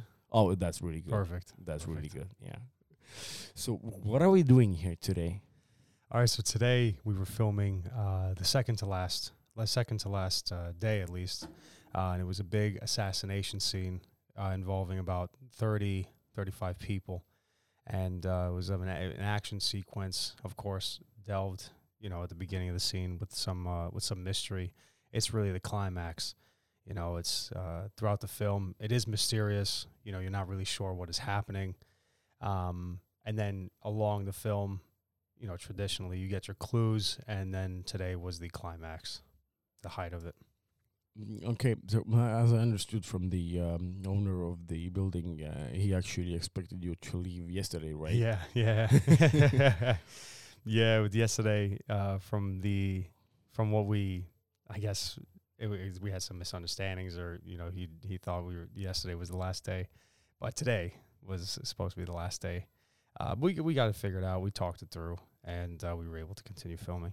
So, Okay. So yeah. S- but tell me about yourself. I mean, like you, you're a director, right? Correct. Now I am. Yeah. Uh, now you Mhm. are. Uh, that mm, that kind of puts on the mark that like uh, you didn't know where you want to be uh, in at some point, right? So it's um really it's a I guess my life, my the story of my life. Uh, when I was a young, when I was young, when I was about ten years old, I had my first version of iMovie, and uh, on the weekends, this is what me and my friends like to do. We went out, we made movies, and I would you know I would cut them up, you know I'd edit them. You know, I would edit. I would put music behind it. I was doing filmmaking for years, uh, but like you know, just with a like a camcorder back so then. You know, you were Mr. TikTok before TikTok came. yeah, yeah. I still, I, I, I gotta admit, I still don't have a, I don't have a TikTok. I'm not really with it, you know. Cool, bro. Give me some knuckles, yes. um, but yeah, this is what I did when I was younger, and then of course, you know, and throughout high school, I was also doing it. I was really just fun, passionate. You know, I loved films, and this is what I liked spending my free time with.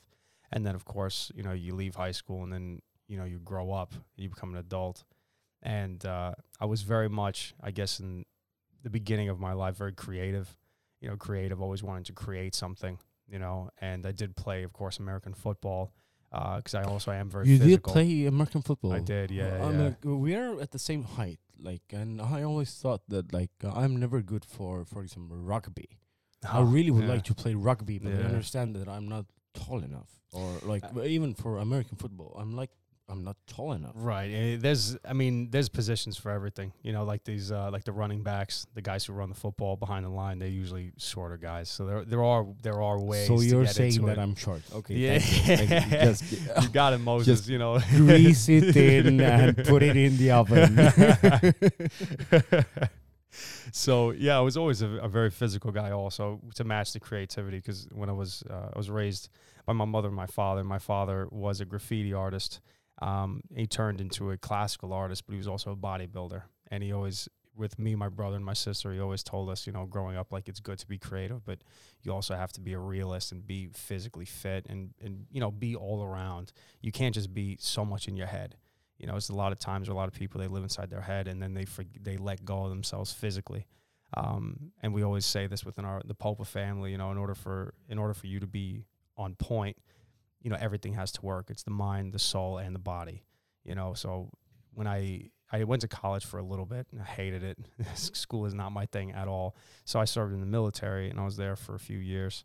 Um, and that's where I was able to test myself. You was in the. Navy? No, I was in the army. In the Army, army. Yeah, there's army, marines, navy, coast guard. yeah, but I was in I was in the army in the 101st Airborne, um, and uh, that's where I was able to test myself, you know, on a physical on a physical level, you know. And then after that, I was a bouncer at a biker bar. Yeah, fun Oh, times. Yeah, shit. I was a bouncer. at a Oh my god, bar, that yeah. that had to be a really good times In Li- Daytona literally, Beach, That yeah. had to be a really good time. It was a lot of good stories. a lot of good stories. A lot. And I was also, I mean, I was also, you know, I was also a biker. I had my Harley Davidson. You know, I was, uh, I was. I'm a biker 22. as well. I'm Dude, always a my biker, man. uh, there but, we but, go. but like uh, I almost killed myself with uh, Uh, bike accident. So gotta uh, be careful with that, I sold my bike, and I'm uh, actually now, like Mm. uh, two years later, Yeah. now I'm slowly actually thinking of uh, buying uh, some uh, cafe racer. Oh, cafe racer. Jeez, no wonder. No wonder you almost killed yourself. That's what I killed myself Yeah, on. yeah, yeah. Um, that was awful. It was awful. It was Yeah, literally. I- I it bet, was yeah. not Cafe nice. racers, you don't play with that. That's serious, right It there. was not nice. Yeah. but yeah, basically, uh, from there, uh, after that, I was I was a musician. I was a professional musician in Tennessee. What instruments do you guitar. play? Play guitar. Guitar? Yeah, yeah. And uh, me and my I'm gonna band. call you yeah. for a call out. Yeah. I also play guitar. Do you? Yeah. You really. probably you probably will wreck me. I haven't touched a guitar in years. Same here. Yeah. So it's gonna be an even play.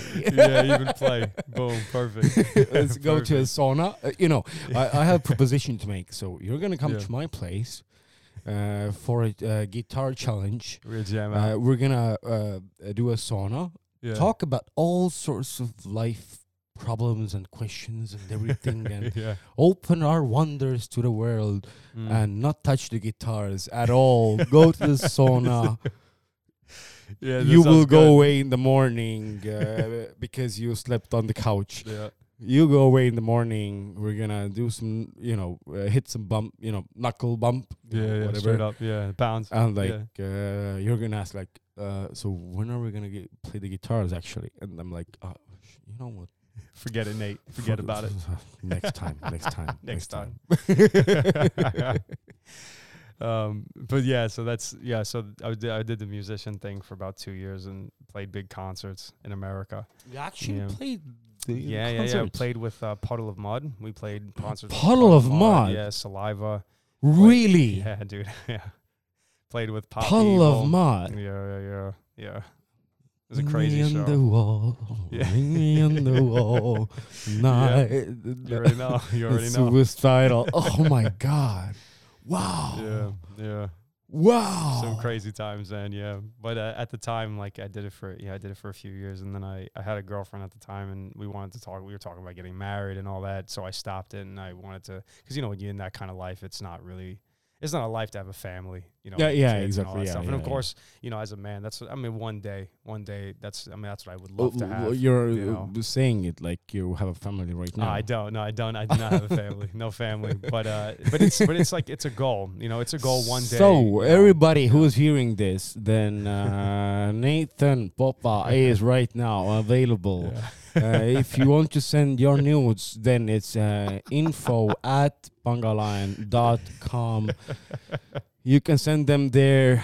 I will look over them and I will decide uh, if You're gonna- I'm you're gonna, gonna be my accountant? if I'm gonna Hey, Nate, check this one out. approach myself first. Oh yeah, yeah. okay. But yeah, so the so the creativity started to come, you know, come from there, and then after that, that's when I I started my career job, where it was you know was uh, was a bodyguard for a private contracting company, and I was a bodyguard for Paris Hilton, the daughters, uh, one of the daughters, Tiffany Trump of uh, Donald Trump, Wow. uh, and other celebrities. Yeah, Whoa, yeah. whoa, whoa, whoa, whoa, whoa, whoa, whoa. Yeah. Uh, let's rewind. There is a bodyguard. Uh, Paris Hilton's bodyguard. Yeah, a few times, a few times. Paris Hilton's bodyguard is just sitting in front of me and he's talking nonsense. That's right. okay, shut up.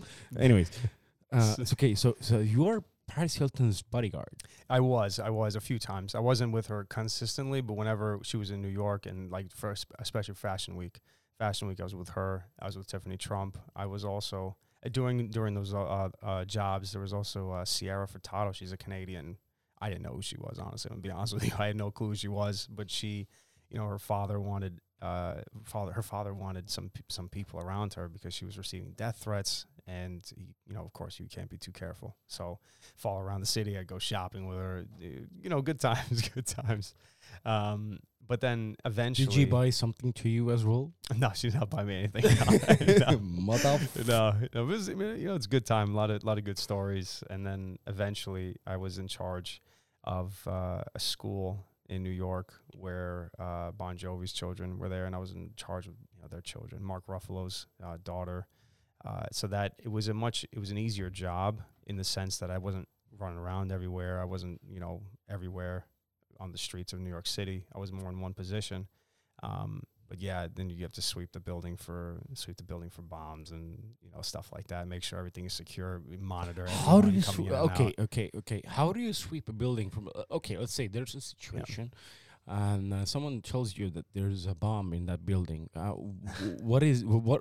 I mean, like, do you have like special gear you're gonna put up, or you know, just like gonna the- go with your flashlight and No, like see I mean, and, you'd like, have, where uh, is that like little thing that's gonna blow up and like No, maybe of, of course, you uh, call in the, what the goes right your people. You call in the right uh, people. you what know. goes through your head when you have to do that? Like you know, the, like understanding that like maybe all your like body parts will uh, fly in different directions. The and I don't, you know, it really, it's for something like that, especially for that job where you're monitoring every single person that comes into the building.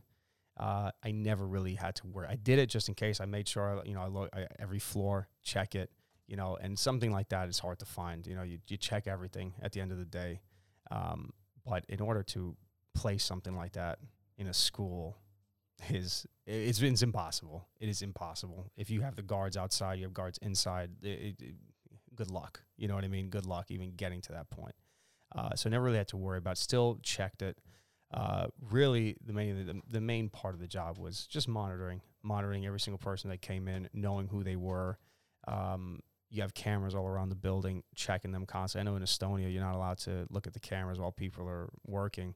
Where in a, at least in New York, you are able to. You have the TV screen, cameras on every floor, all that, checking everything. So, I mean, it's stre- it's stressful in the sense that if you if you mess up, you're that you're done. You know, um, but it went it went really well. Uh, what we really had to look out for was stalkers. Stalkers was was the big thing. You know, we had some Stalkers? Yeah, yeah, yeah. yeah What do you because mean? yeah, you have stalkers. You know, stalkers who stalk certain families, and you know they'll make passes to the school. We had this one one time.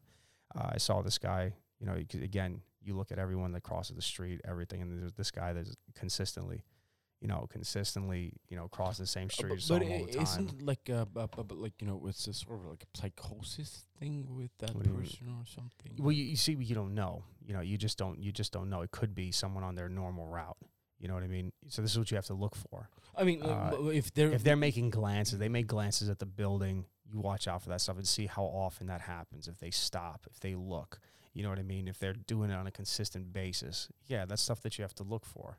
You know, uh, and one there was one time there was a guy that that you know he was he was a, he was suspect, suspect, and then you kind of you show a visual, you come out on the street, you know, like you know you're about to have an altercation. They figure out like, okay, this guy, this this bodyguard definitely ain't alone, you know. And this guy, this guy was smart. After that little altercation I had with him, he was uh, never saw him again. Um, now, whatever happens afterwards is not a, is not it's not in my jurisdiction, if you could say that. My my job is is within these bounds, and and that's you know that's to the extent of it. Outside of that, it's up to everyone else who watches those children, those you know those uh, high profile children in other grounds, and so on and so forth. But yeah, mhm. Okay, okay, Yeah. I, I get you. I kind of get you. Yeah. Uh, at the same time, I don't get you, but at the same Well, time, yeah, I there's I can't tell you everything. yeah, you can't tell you everything. You can tell me. I'm uh, giving you the very broad, the very broad uh, description. of After the yeah, yeah. microphones, you can tell me all sorts of things. Yeah. like, I, I understand that there are things that you can't really No, talk in. no, But anyways, like um, Whatever I'm telling you is kind of common knowledge. It's kind of common knowledge. Yeah, that this is exactly yeah. how how a bodyguard would work. You know, this is this is nothing secret. you know. is the, I have two questions. Uh, Yeah. the, the Mhm. two, two questions is that like uh, first of all that like um, mm, how would you compare uh, America with Estonia? Uh, Uh, oh, uh, yeah. Stop. Okay, Stop yeah, right go there. ahead, go ahead. I have two questions. Yeah, got it, man. Я got, I, I, I have two questions. Yeah, dude. Go ahead. The two questions. Так, это первый question, это Конечно. был уже. Э, Это second э, question, это такое, что э, почему, а, а, ну, на английском языке совсем нормально. Why did you come to Estonia? Well, wha- wh- what is something for you in Estonia that you see that is uh, why, Alright. uh, uh, uh, Yep. but because for I me. Yeah. Estonia is beautiful. Yeah. Estonia is beautiful. I'm proud to be an Estonian. I'm I'm proud of every even like those like you know in the hillbilly side. I'm Yeah, yeah. I'm actually proud of these people as well. Yeah. I should show you some videos and you will be like uh, holding your head and you're gonna understand that you have lost some of your uh, brain cells. well, while Hey, watching those videos. I guess the same thing with the But with the American but at the country same people. time, I'm standing very uh, sound and clear Right. uh, with those Estonians saying that Estonia is a beautiful country. It's my country. That's where I live. Yeah. So uh, two questions. Mhm. I'll go with the first one, and I'll I'll return to the second one. Yeah. Uh, the first one is why why did I come here? Um, when I came here, it was like five. It was about five years ago. Five years ago, my brother, my brother David, he lives in Finland, and uh, he got married, and we came. You know, the whole family. Um, I'm, I'm French. I just don't sound French, but everyone from France, and my mother, my father, my sister from New York. We all came to Finland, and after the marriage was done, you know, we came to Estonia to come visit it. And I was here, you know, on the on the ferry for like three hours. You know what I mean? I, you know, I came for three hours and left back to Finland. But the moment I came here, I told my mother, I was like, "Yeah, mom, I'm moving here. You I'm like moving this here. place? That's it. I'm moving here. Yeah, yeah. Because when I saw it, Why? you What, know, what, what, what, what was the trigger? this What- what- it was it was old, it was Old Town. It was Old Town because it, it it brought it brought back my my youth and my young dreams of being a director, doing medieval films, doing this style.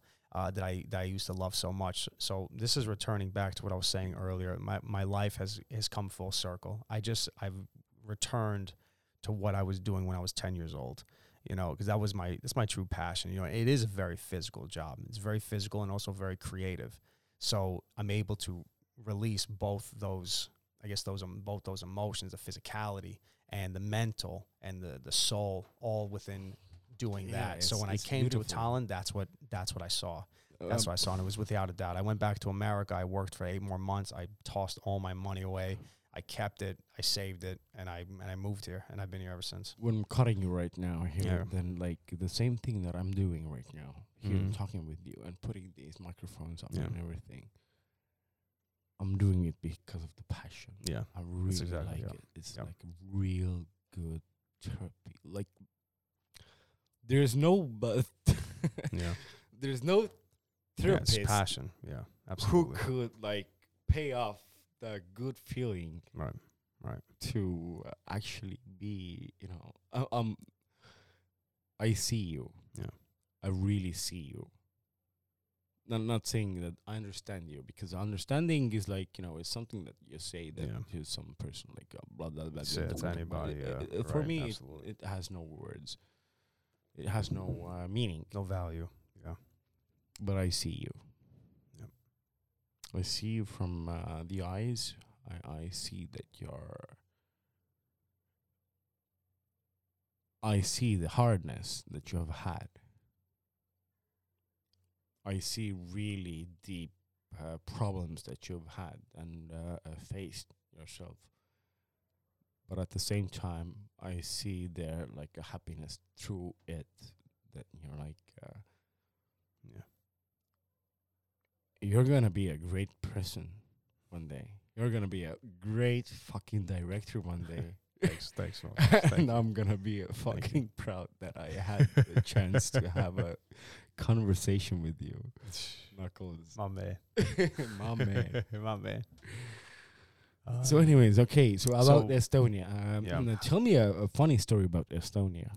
Estonia. So I got plenty of, plenty of them. Uh, uh, I like that. Okay, uh, uh, Real quick before I do that, I'll, I'll, I'll tell you the to answer your the, the first question that you had, and I'll Yeah, tell you yeah, a funny okay, story. yeah, yeah, yeah, do that. You know, I, I don't really, I don't really find myself comparing comparing America and Estonia all that much, um, because I mean it's it's completely different. It's two different worlds. It's two different worlds. The people have two different mindsets. Are they? Ev- yeah, com- at least from what I've seen. Now this is now this is where, you know, you see things differently than I do. Okay, because you don't because you want you speak the language. All right, you speak Russian and you speak Estonian. I speak five languages actually. Oh, you speak five languages. All right, perfect. So you, when you're walking down the street, for example, all right, or you're on the bus, all right, you understand everything that people are talking about, and uh, you can overhear a conversation and and like roll your eyes and be like, wow, people are freaking retarded. You know what I mean? You see, for me, I live I live in ignorance here. I don't I don't I don't that doesn't happen to me. Uh, stop right here. Yeah. I'm listening to my own uh, podcast and Yeah. I'm thinking like, fuck, I'm retarded. but you but you get what I'm saying though. You Yeah. get what I'm saying. Like Yeah. this this is how a lot of people because you speak the language, these things can bother you. You know, how people are, what they say, what they talk about. For me, I'm I'm I, I'm I'm ignorant to it. And there's a, eh, that saying ignorance is bliss. Yeah, I think yeah. that's why I'm so happy here. Because in America, where I heard everyone's conversations, I and I'm like rolling my eyes. I can't and especially because I served in the military. Sometimes I couldn't believe. I was like, this is these people. These are the people I signed up for. These retards. You know. This and it and it's shameful. You know, and, and it, and it, it be- pisses yeah, you off. Actually, uh, you know. it's been a really hardcore question for me. Like, uh, you know, uh, that, like uh, you know, I have a, relative uh, who is uh, has been living in uh, America for past Yeah. uh, uh, I don't know, uh, uh, fifteen years, Right, twenty right, years, or something. Yeah. And he was in the military as well. He was Yeah. in the army. Yeah. He was Navy. Okay. Oh, the Navy. All right. And like when, uh, uh, and actually, it's really funny that we're talking about it right now because he just came uh, came to Estonia uh, Mhm. this month, and we had like a cool, you know, a lunch together, and Yeah. we talked about like some stuff and everything, and like uh, mm, hearing how he laughs, not not laughing uh, exactly, but like uh, uh, more like constating the fact that like uh, most of the Americans are stupid. Yeah, it's a, it's a fu- I li- uh, so many people say that. You know what I you know what I always say when I, when I let people say, "Oh, Americans are so stupid."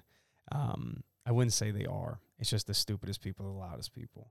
As I met some of the greatest people in America, some of the nicest, the most kind-hearted individuals. You know, I believe the same thing. They have everyone, everyone in America. It's like what we say in New York. Like everyone's got an opinion. You're from New York, you got an opinion on everything, which is true.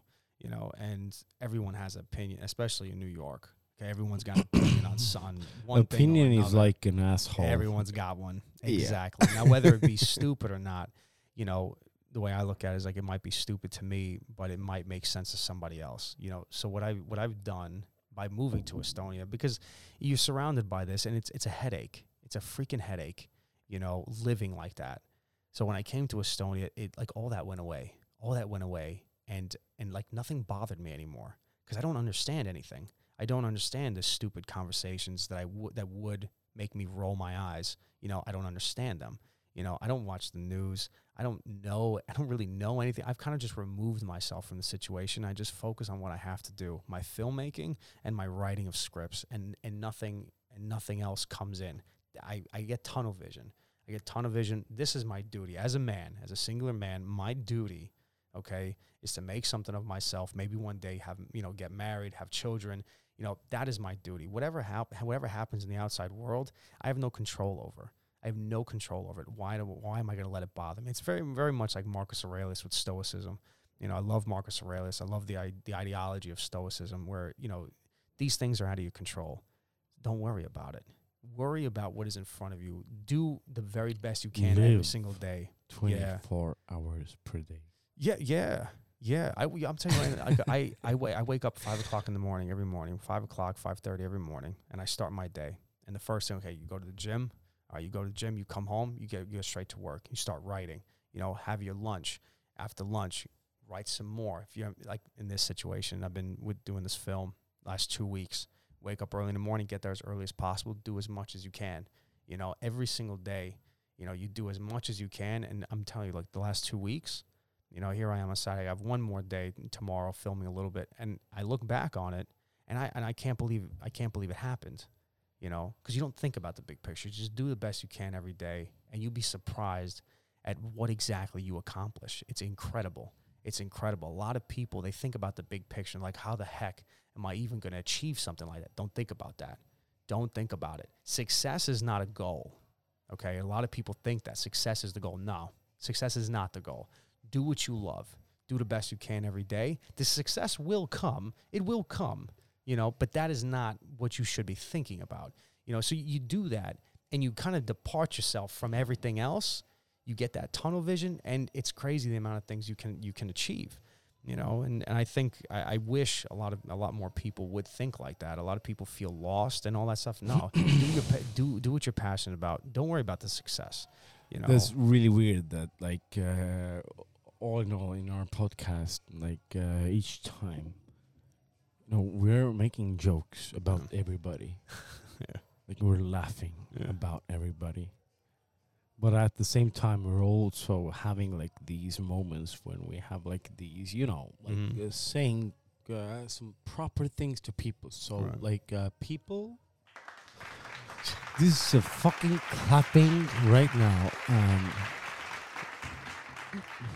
Nathan did speak some uh, important words right now because they went into my heart. And then if these things are going into my heart, then they should go into your heart as well. Mother. Blood. Lien. no, uh, uh, really, yeah, you have uh, you have a really, uh, really good uh, perception about things. I'm living myself as well. Uh, I'm, I'm living, yeah, myself. Blood. I've start to learn speak English correctly. it's all good, man. It's all good. I speak perfect English. She sells seashells by the seashore. Seashore. Seashore. Yeah, already. Motherfuck. Anyways, uh, the thing is that like uh, I understand, I understand like your uh, perspective, and it's really beautiful. And then uh, the weird thing is that like uh, you know I had everything. Mm-hmm. I literally had everything. I had the car, I had the girl, I had the apartment, I had everything. A really good, steady income. Mm-hmm. But slowly, the only thing that stayed was the income. Right. I lost the car, I lost the girl, I lost everything. The only thing that I was working for was the the job position that where I was working. So at some point, I had a burnout, Mm-hmm. Yeah. and it's the most ugliest thing that you can ever have. And the people uh, back then, when people were talking about like depression, Right. I laughed at them. I really was laughing at them. Yeah. Today, when someone is talking about depression, my first question is, "Did you go to a doctor? Mm-hmm. Do you have the diagnosis, or you're just thinking that you have a depression or something?" Right. I have learned so much, but I feel that there is so much to learn, Yeah. and I'm actually looking forward to it. Absolutely. And I'm really happy that like I have found, for example, through doing the podcast, it's my therapy. It's my antidepressant. Right. Right. right. yeah. it's literally I'm like I'm really, really, really you know you know with like you can't even imagine what kind of feeling is gonna be uh, in me when we're gonna end this conversation right now. I'm gonna be happy as a like a little puppy. Good, man. I'm glad. I'm gonna glad. be really happy puppy. I'm gonna be really happy because I had you under the microphone and you told me about your stuff. So, but but the thing that you said, the thing is, um, it's been said in this podcast so many times, and at some point, who knows? Maybe we're gonna make we're, we're gonna make you know like this pray actually. Yeah. Uh, but I don't know. Um, I'm not that praying type of person. But like, anyways, maybe at some I very much am. I very much am. But yeah. the the praying thing is that like uh, be thankful for what you have Absolutely. Absolutely. and um, do what you love. Yeah. Because the money comes when you do something that you really love. The money Mm. will come really quickly and really fast, and you're gonna do like you're gonna be surprised how quickly the money is coming. Yeah. You're like gonna be like, oh, what the fuck? So I don't have to do that thing that uh, I don't like, uh, uh, which pays my bills, but I can do this thing uh, that it doesn't come right away. Yeah. It doesn't come. It does right take patience. Absolutely, it takes patience. It's Yeah, not like an immediate thing. Yeah, yeah, You yeah. have to understand. It takes years. There's a Literally takes years. so real quick about that because I I I I meet I meet a lot of people that they kind of when I when I tell them about like what I've done, they ha- they get the impression like just go ahead, drop everything, and just go for it. Doesn't work. doesn't work like that. I would tell you, for me, when I got into filmmaking, when I started writing my scripts, I still held my job. I was just going to bed much later. You know, I would work, do what was necessary to keep up the bills, you know, make sure everything is fine. And as soon as I was off work, boom, start working on your pa- on your on your projects, you know. And then when you get to that certain point, then you when you're like, okay, I'm I'm good. I'm I'm actually starting to make something of this. Then you can you know you you slowly put the job away. Uh, but always got to be smart because it's like being emotional, like it's great, but don't act on the emotions. Be logical. You have to be logical. There, there has to be that rationale between you know the mental and the heart. You know, be smart about it. Have that balance. You know, be smart about it, but follow your passion. And then when you're able to make that transfer, even with your passion, be smart about your passion. You know, is it, there's a lot of balance that's necessary, and then just just like most things in life and anything in life, you need balance. You know, too much that's freaking the classic saying, too much of, of Too one, any much of one anything thing is, is, is bad for you. always uh, exactly. uh, doesn't matter. Yeah. Even i- like you know, Yeah. it's a good to have a little joint uh, every time at a time. But if you're smoking every day, like twelve joints, Yeah, what are you day, really doing? that's- Come on now, what are you really doing? That's not the thing, know? though. Uh, so so yeah, that's if I, you know, to anyone who's listening to this, that's what I would say. Don't don't just go ahead and drop everything. Be smart about it. Be smart about it. But you know, when when do you start? You start as soon as you start. Just start it. Whatever you whatever you're passionate about. Just the next day, think about it. Next day, start it. Whatever whatever you know beginning that is for you. You know that would be the best thing. You know the the the idea of following the passion it will fulfill you. It does fulfill you. The money the money will come you know but again be logical follow your passions and uh and conquer. So i always tell people conquer go forward go forward and conquer. You know that's that's how people are remembered. You know you just go forward and you and you uh and you attack. You got to be it, it's it's ruthless. You know you got to be ruthless with yourself. You know there's some days where you may not even want to wake up freaking wake up. Uh, there have been you know? those days. yeah freaking wake up. You know go for it. Motherfucker. yeah it why do I have it to happens. wake up?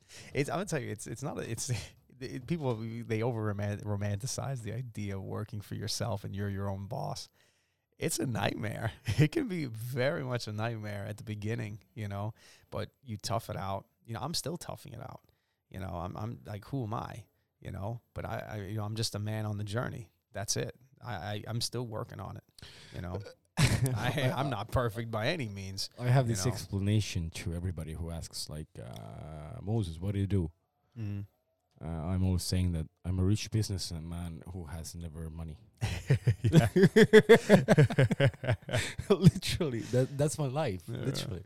Yeah. Okay. So big things are going on stuff, all the yeah, time, but like yeah. you don't have any like you know you, you get some money. Okay, so I'll pay the fucking rent. Okay, that's done.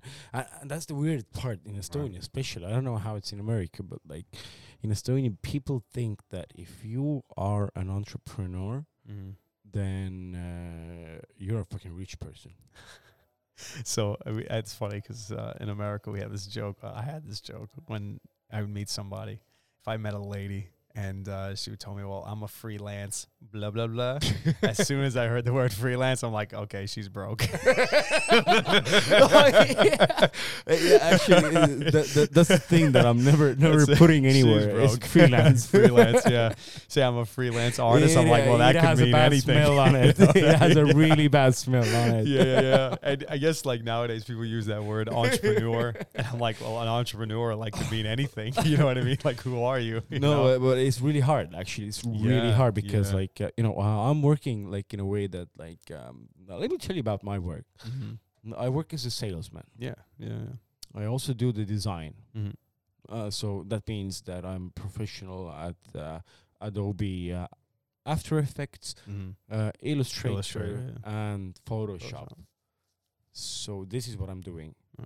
So after that, you know, I'm gonna go and of also offer the installation. I'm gonna actually, you know, put my gloves Yeah. and go and like, who cares what is the weather? I have to go and install that fucking thing. Absolutely. So I'm Absolutely. doing everything. Yeah. So and but there it's it's uh, so funny that there's like uh, so many people who are just laughing Mhm. and thinking that like uh, the work that you do that like uh, you're an entrepreneur it, uh, where is your Porsche right now Yeah, yeah. and you're like uh, come on dude I'm like it's actually m- far more deeper if you Yeah, yeah. only delve into this and like understand like what is my job Right, right. Yeah, I would. Yeah, definitely. Always, if, if someone asks what you do, tell them what you do. Don't say you're an entrepreneur. Don't say that. It mean it mean anything. You know, freelance. Don't say freelance entrepreneur. Like if someone asks me, like Nate, what do you do? I tell them I'm, I'm a director. I'm a writer. That's it. Oh, so what are you doing? And I tell them about my projects. Boom, and and I'm telling you, you know, people take you as serious as you take yourself. If you if you come off and, and you and someone asks you what you're doing and you look at the ground, you know this is a very this is a this is like a per like a you know to be a personable person. You know if you're looking at the ground when you tell them what you're doing, you say it with no with no you know umph. You don't say it with your chest. You know what I mean? Then they're not going to believe you. But as soon as you start, as soon as someone asks you about what you do for a living, be passionate about it.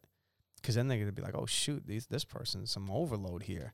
And like, oh, okay, all right, they're serious here. Let's go. You know what I mean? And then that, and that's it.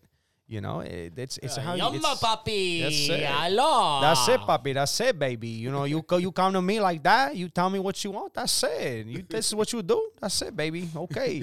you know that, eh, but that's you know that's uh, that's how it is. Business, that no problem. Yeah. No, no, no, no. I tell you, man, I've I met I've met people. I've met I've met a lot of people here in Estonia. You know, artists, and uh, they tell me what they do. But when they tell it, when they tell me what they're doing, there's like it's like the it's like they're embarrassed. It's like they're embarrassed. That's what I at least feel. If I feel like they're embarrassed to tell me this, and they don't really tell me much. They're like, oh yeah, I just kind of do this. Well, if you're telling me what you're, if you're an, okay, if you're a painter, let's say for example, I'm a painter, and you kind of like, ah, yeah, yeah, I'm a painter. I like to paint. Like I'm not taking you seriously.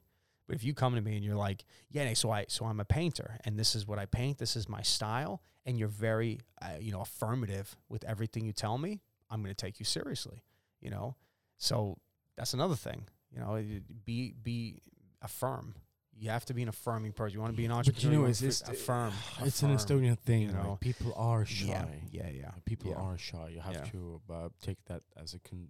You know, you That's a that's a take it into norm, consideration you know. as well. But you see, if you if, if that's the if that's the norm, if you act otherwise, whether people like you or not, that doesn't matter. They will remember you.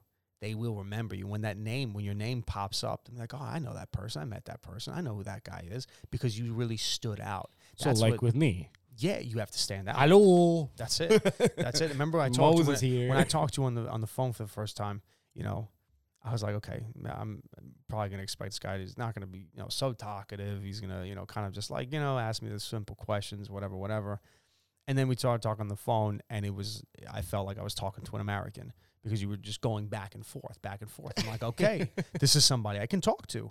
You know, this is somebody I can talk to. I, I actually have a conversation with him. You know, it's not going to be a one-sided conversation. You know, which was phenomenal. You know, it's it's phenomenal, and, it, it's it stands out. So you're It saying our out. first uh, phone call was phenomenal. Yeah, bro, it's phenomenal, bro. Oh, immaculate. it's immaculate. Okay, I have to call to my operator to uh, get the recording of the Yeah, call. yeah. You put me on record for that. yeah. it might bring uh, me into some, you know, uh, some really big uh, new. Well, maybe I'm gonna fuck it. I'm gonna break to Hollywood That's it. That's it. before Nathan. Yeah. Challenge accepted. Anyways, Nathan, man. um, I'm so happy that you came here and like uh, Likewise. that's uh, Likewise. Do you understand what the uh, podcast name actually means? I don't actually. I don't. uh, the the podcast is called Bangaline, Mm-hmm. which means you can take it like as a, uh bank loan or a mortgage. Mm-hmm. Okay. Got it. Take my words as a mortgage. There you go. the, way how we uh, got here was like uh, that, like a lot, a lot of people have said like this is a really cool name, Yeah. really cool name, Yeah, like a cool, yeah. mortgage, but like there's nothing. There's no stories about mortgage or like any financial, you know, but like no, no. Yeah, it's a bank loan. It's a, it's a loan. It's something you it's take out. loan. Yeah, it's something you take out. something that yeah. we all have. Right, right. so here you go. You have a bank loan. Yeah. Here you go. Dope, dude. So Dope. so uh, that's how it happened. Like you know, we, we were actually we were having a, a bender. Mm. Um, to be honest, like uh, people are asking, how did you get your name? And everybody thinks that there's like a deep story behind the whole podcast name. And nope, Nope. it is what it is. Take it. it is what it is. we just had a bender. Uh, we had a kind of famous person who is working on TV. Uh, Yeah. She said that like, uh, guys, you should have your own radio show. So uh, half an hour or an hour later, we already had rented uh, like the. There Uh, you go. Get it done. Get it done. There you go. We started. Yeah. no like- excuses. You just pop it. Just Yeah, pop it. That's we it. Just, we just did it. Yeah. yeah. Yeah. Yeah. and we had to quickly like uh, think about like uh, what's gonna be the name what's gonna be the name i said like i don't know bank loan something everybody has you know you like almost like stds Yeah, but yeah, like at least stds you can like you know go to a doctor but bank loan Yeah. no you have to listen to that it that that'll follow you to your grave. And the same thing was with the names like uh, if i could choose my name right now Yeah. i'm not sure if i would be moses but like the first It's uh, stuck now. It's stuck. It's Uh, it- this it- point. uh, yeah. it's so stuck now Yeah, already yeah, that yeah. like uh, everybody knows me as Moses. Roll with it. Like- Roll with it. That's it. That's it. there was one. Uh, there was one. Um, I I call them residents. Yeah. Uh, all these people who uh, are with the crew. No. We have like these episodes where we have like you know uh, persona episodes, like today, for example. Right, But we have our own episodes where like our own people are coming and like we you know we're laughing, Mm-hmm. sober, talking, talking and Yeah. soberly laughing over the all situation what happening politically or whatever like Right, right. everything and there was this one person who said like uh, so moses uh, what are you spreading you know moses is spreading yeah, yeah, yeah, yeah. yes. Yeah, yeah. i said like legs Yeah. i'm only spreading legs i'm not that type of moses So yeah. Anyways, uh, uh, that's that, that's the story for you. How to understand like uh, like why this podcast is so uh, uh, how it has become. Uh, it's really weird. yeah. The best things come from the things that come from your heart Yeah. and like uh, Naturally. Uh, exactly naturally Naturally, or like yeah. uh, like exactly like uh, spontaneously. Right. Right. Like you're like, whoa, okay, so this happened. Yeah. Because literally, when we uh, when we stopped drinking, literally, I'm not joking. Mm. At some point, when I became sober, I was like, uh, dude, we have like three episodes on Mixcloud. when I'm listening to these, I don't remember talking these. All right. What the fuck is going on? Should we like continue or? and we continued. And today, like we're like this Hitting it. it's like Hitting like everybody uh, whenever someone is asking so what podcast are you doing i'm like always saying like start to listen from the 20th episode Yeah. not from the beginning Yeah, yeah.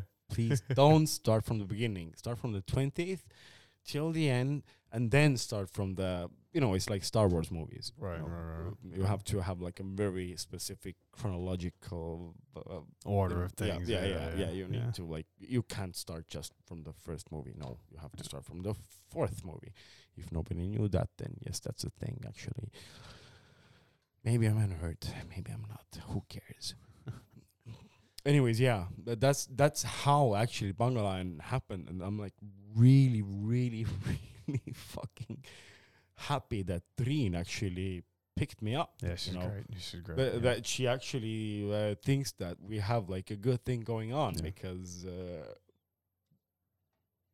as i said don't listen to the first three episodes Yeah. until you haven't uh, listened from 20 Roger that. till the that. end anyways nathan do you want to say something Uh, some good words to people Let's see. Yeah, some good words. Uh, keep your head on your shoulders. Keep on your keep your head on your shoulders. Uh, it's very easy to to lose uh, to lose sense of reality, especially for the artists out there. You know, I, artists for the artists. Yeah. Um, like I was saying before, I've met a lot of artists, and a lot of them, like they they live inside their own head, which I I even have that problem. you're an Uh, artist Yeah, yeah, yeah. And uh, and I've had that issue uh, throughout the last few years, uh, where you live inside your own head and you kind of lose touch with reality a little bit. Um, and like I said before, balance. Learn how to balance it. You know, I'm gonna say from one of my favorite authors, J.R.R. Tolkien. Tolkien, you know, he wrote the Lord of the Rings and Yeah. you know all the Middle Yeah. Earth saga, the whole all those books and all that. And he he always found it very strange that people, because he was getting letters back in the day that people were naming their babies after characters in his books, and he found it absolutely ridiculous. Uh, he he found it actually kind of disturbing that some people couldn't remove themselves from this fantasized world. You know, a world that you you kind of make in your head when you read the books yeah he found it very disturbing that people couldn't disconnect from that because he was, you know, he wrote those books that are the most incredible books, you know, of the 20th century, and he he was able to remove himself from from that aspect and be a family man as well. So he, I, I kind of, I kind of, I try to live like that nowadays, and I think I'm, I've done pretty well with it. Where I'm still, I'm still a real guy. You know, I'm still, I'm still, like- I'm still like. I wouldn't say like a gangster from New York, you know what I mean? Like, but the attitude, a double know, that G, street, yo. yeah, that str- that Yo, street man. attitude, you know, yo. yeah, like you know, that's how I talk to my guys. You know, we have our own slang. You know, we have our own handshakes. You know, I'm I'm, I'm about to be You thirty. actually man. have secret handshakes? Yeah, yeah. It's like I got my handshakes with my guys. You know what I mean? Like it's, it's good. You know, you, Can you you stay teach me like one, that. uh, yeah, I got you. I got you. I get you one. Yeah, yeah. so um, yeah, for the artists out there, uh, the biggest advice I can say is is learn how to live in reality. You know, get out of your head sometimes. You need to do that because then you lose touch with what the real world is and how to be an artist in the real world. You know, that's uh, being an artist in your head is one thing. Being an artist for you know for out there is is a whole different story.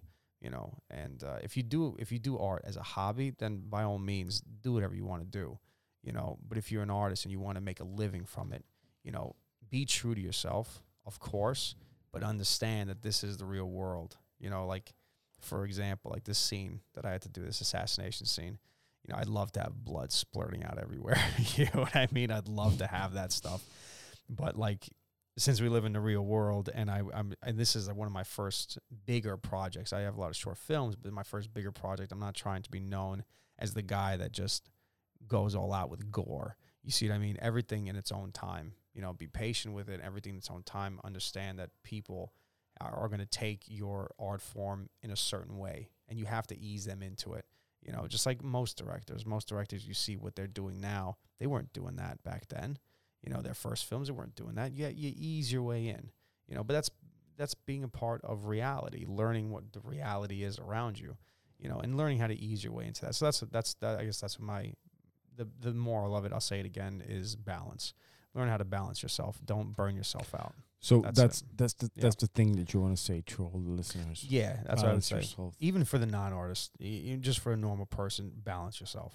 Okay, too remember too much of anything. It's a stupid saying. Everyone freaking says it, but it's really true. You know, too much of any one thing is is bad. You know, learn how to balance yourself out in everything that you do, your work, your vacation.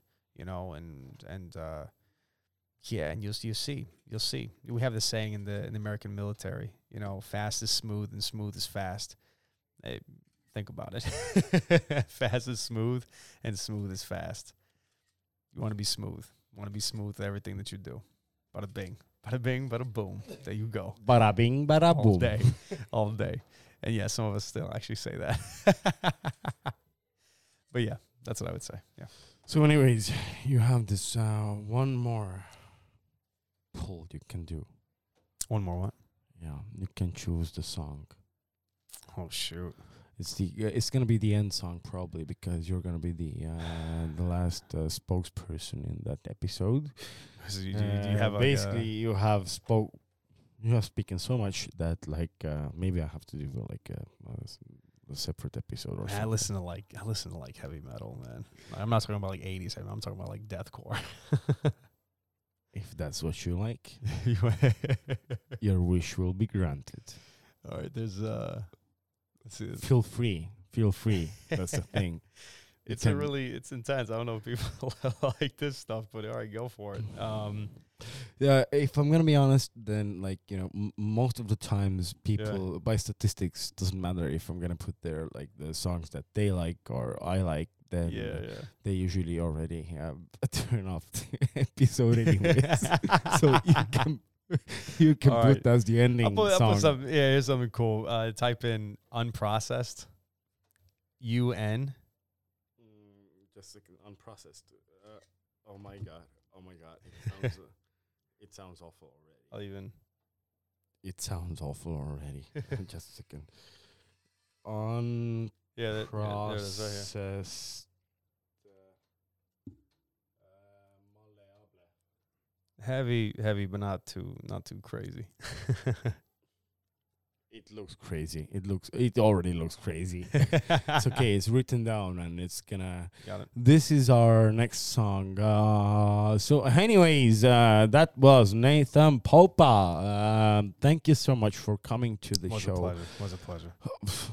Pleasure is all mine. Like, um, what, what you gonna do next? You wanna come to my place? We're gonna do some sauna Do some or sauna. something. Man, I got still have plenty of work to do. I got to get ready for tomorrow for the last the last shoots. Anyways, I'm really happy to meet you. Great to I'm you really too, happy dude. to meet you. Thank you Likewise. for everything and like uh, so far so much as I saw behind uh, I literally saw it behind the curtains. Mm-hmm. Uh, so far what I saw it was I'm waiting to see that. you got it. Premiere. you got it. You got it. okay, take care. And uh, here's coming the song that you named is Malleable by Unprocessed. Okay, and here it goes, just like that. Just to float, me. The shape of my my way out of the life I once known. Of Just as I want Over at last, last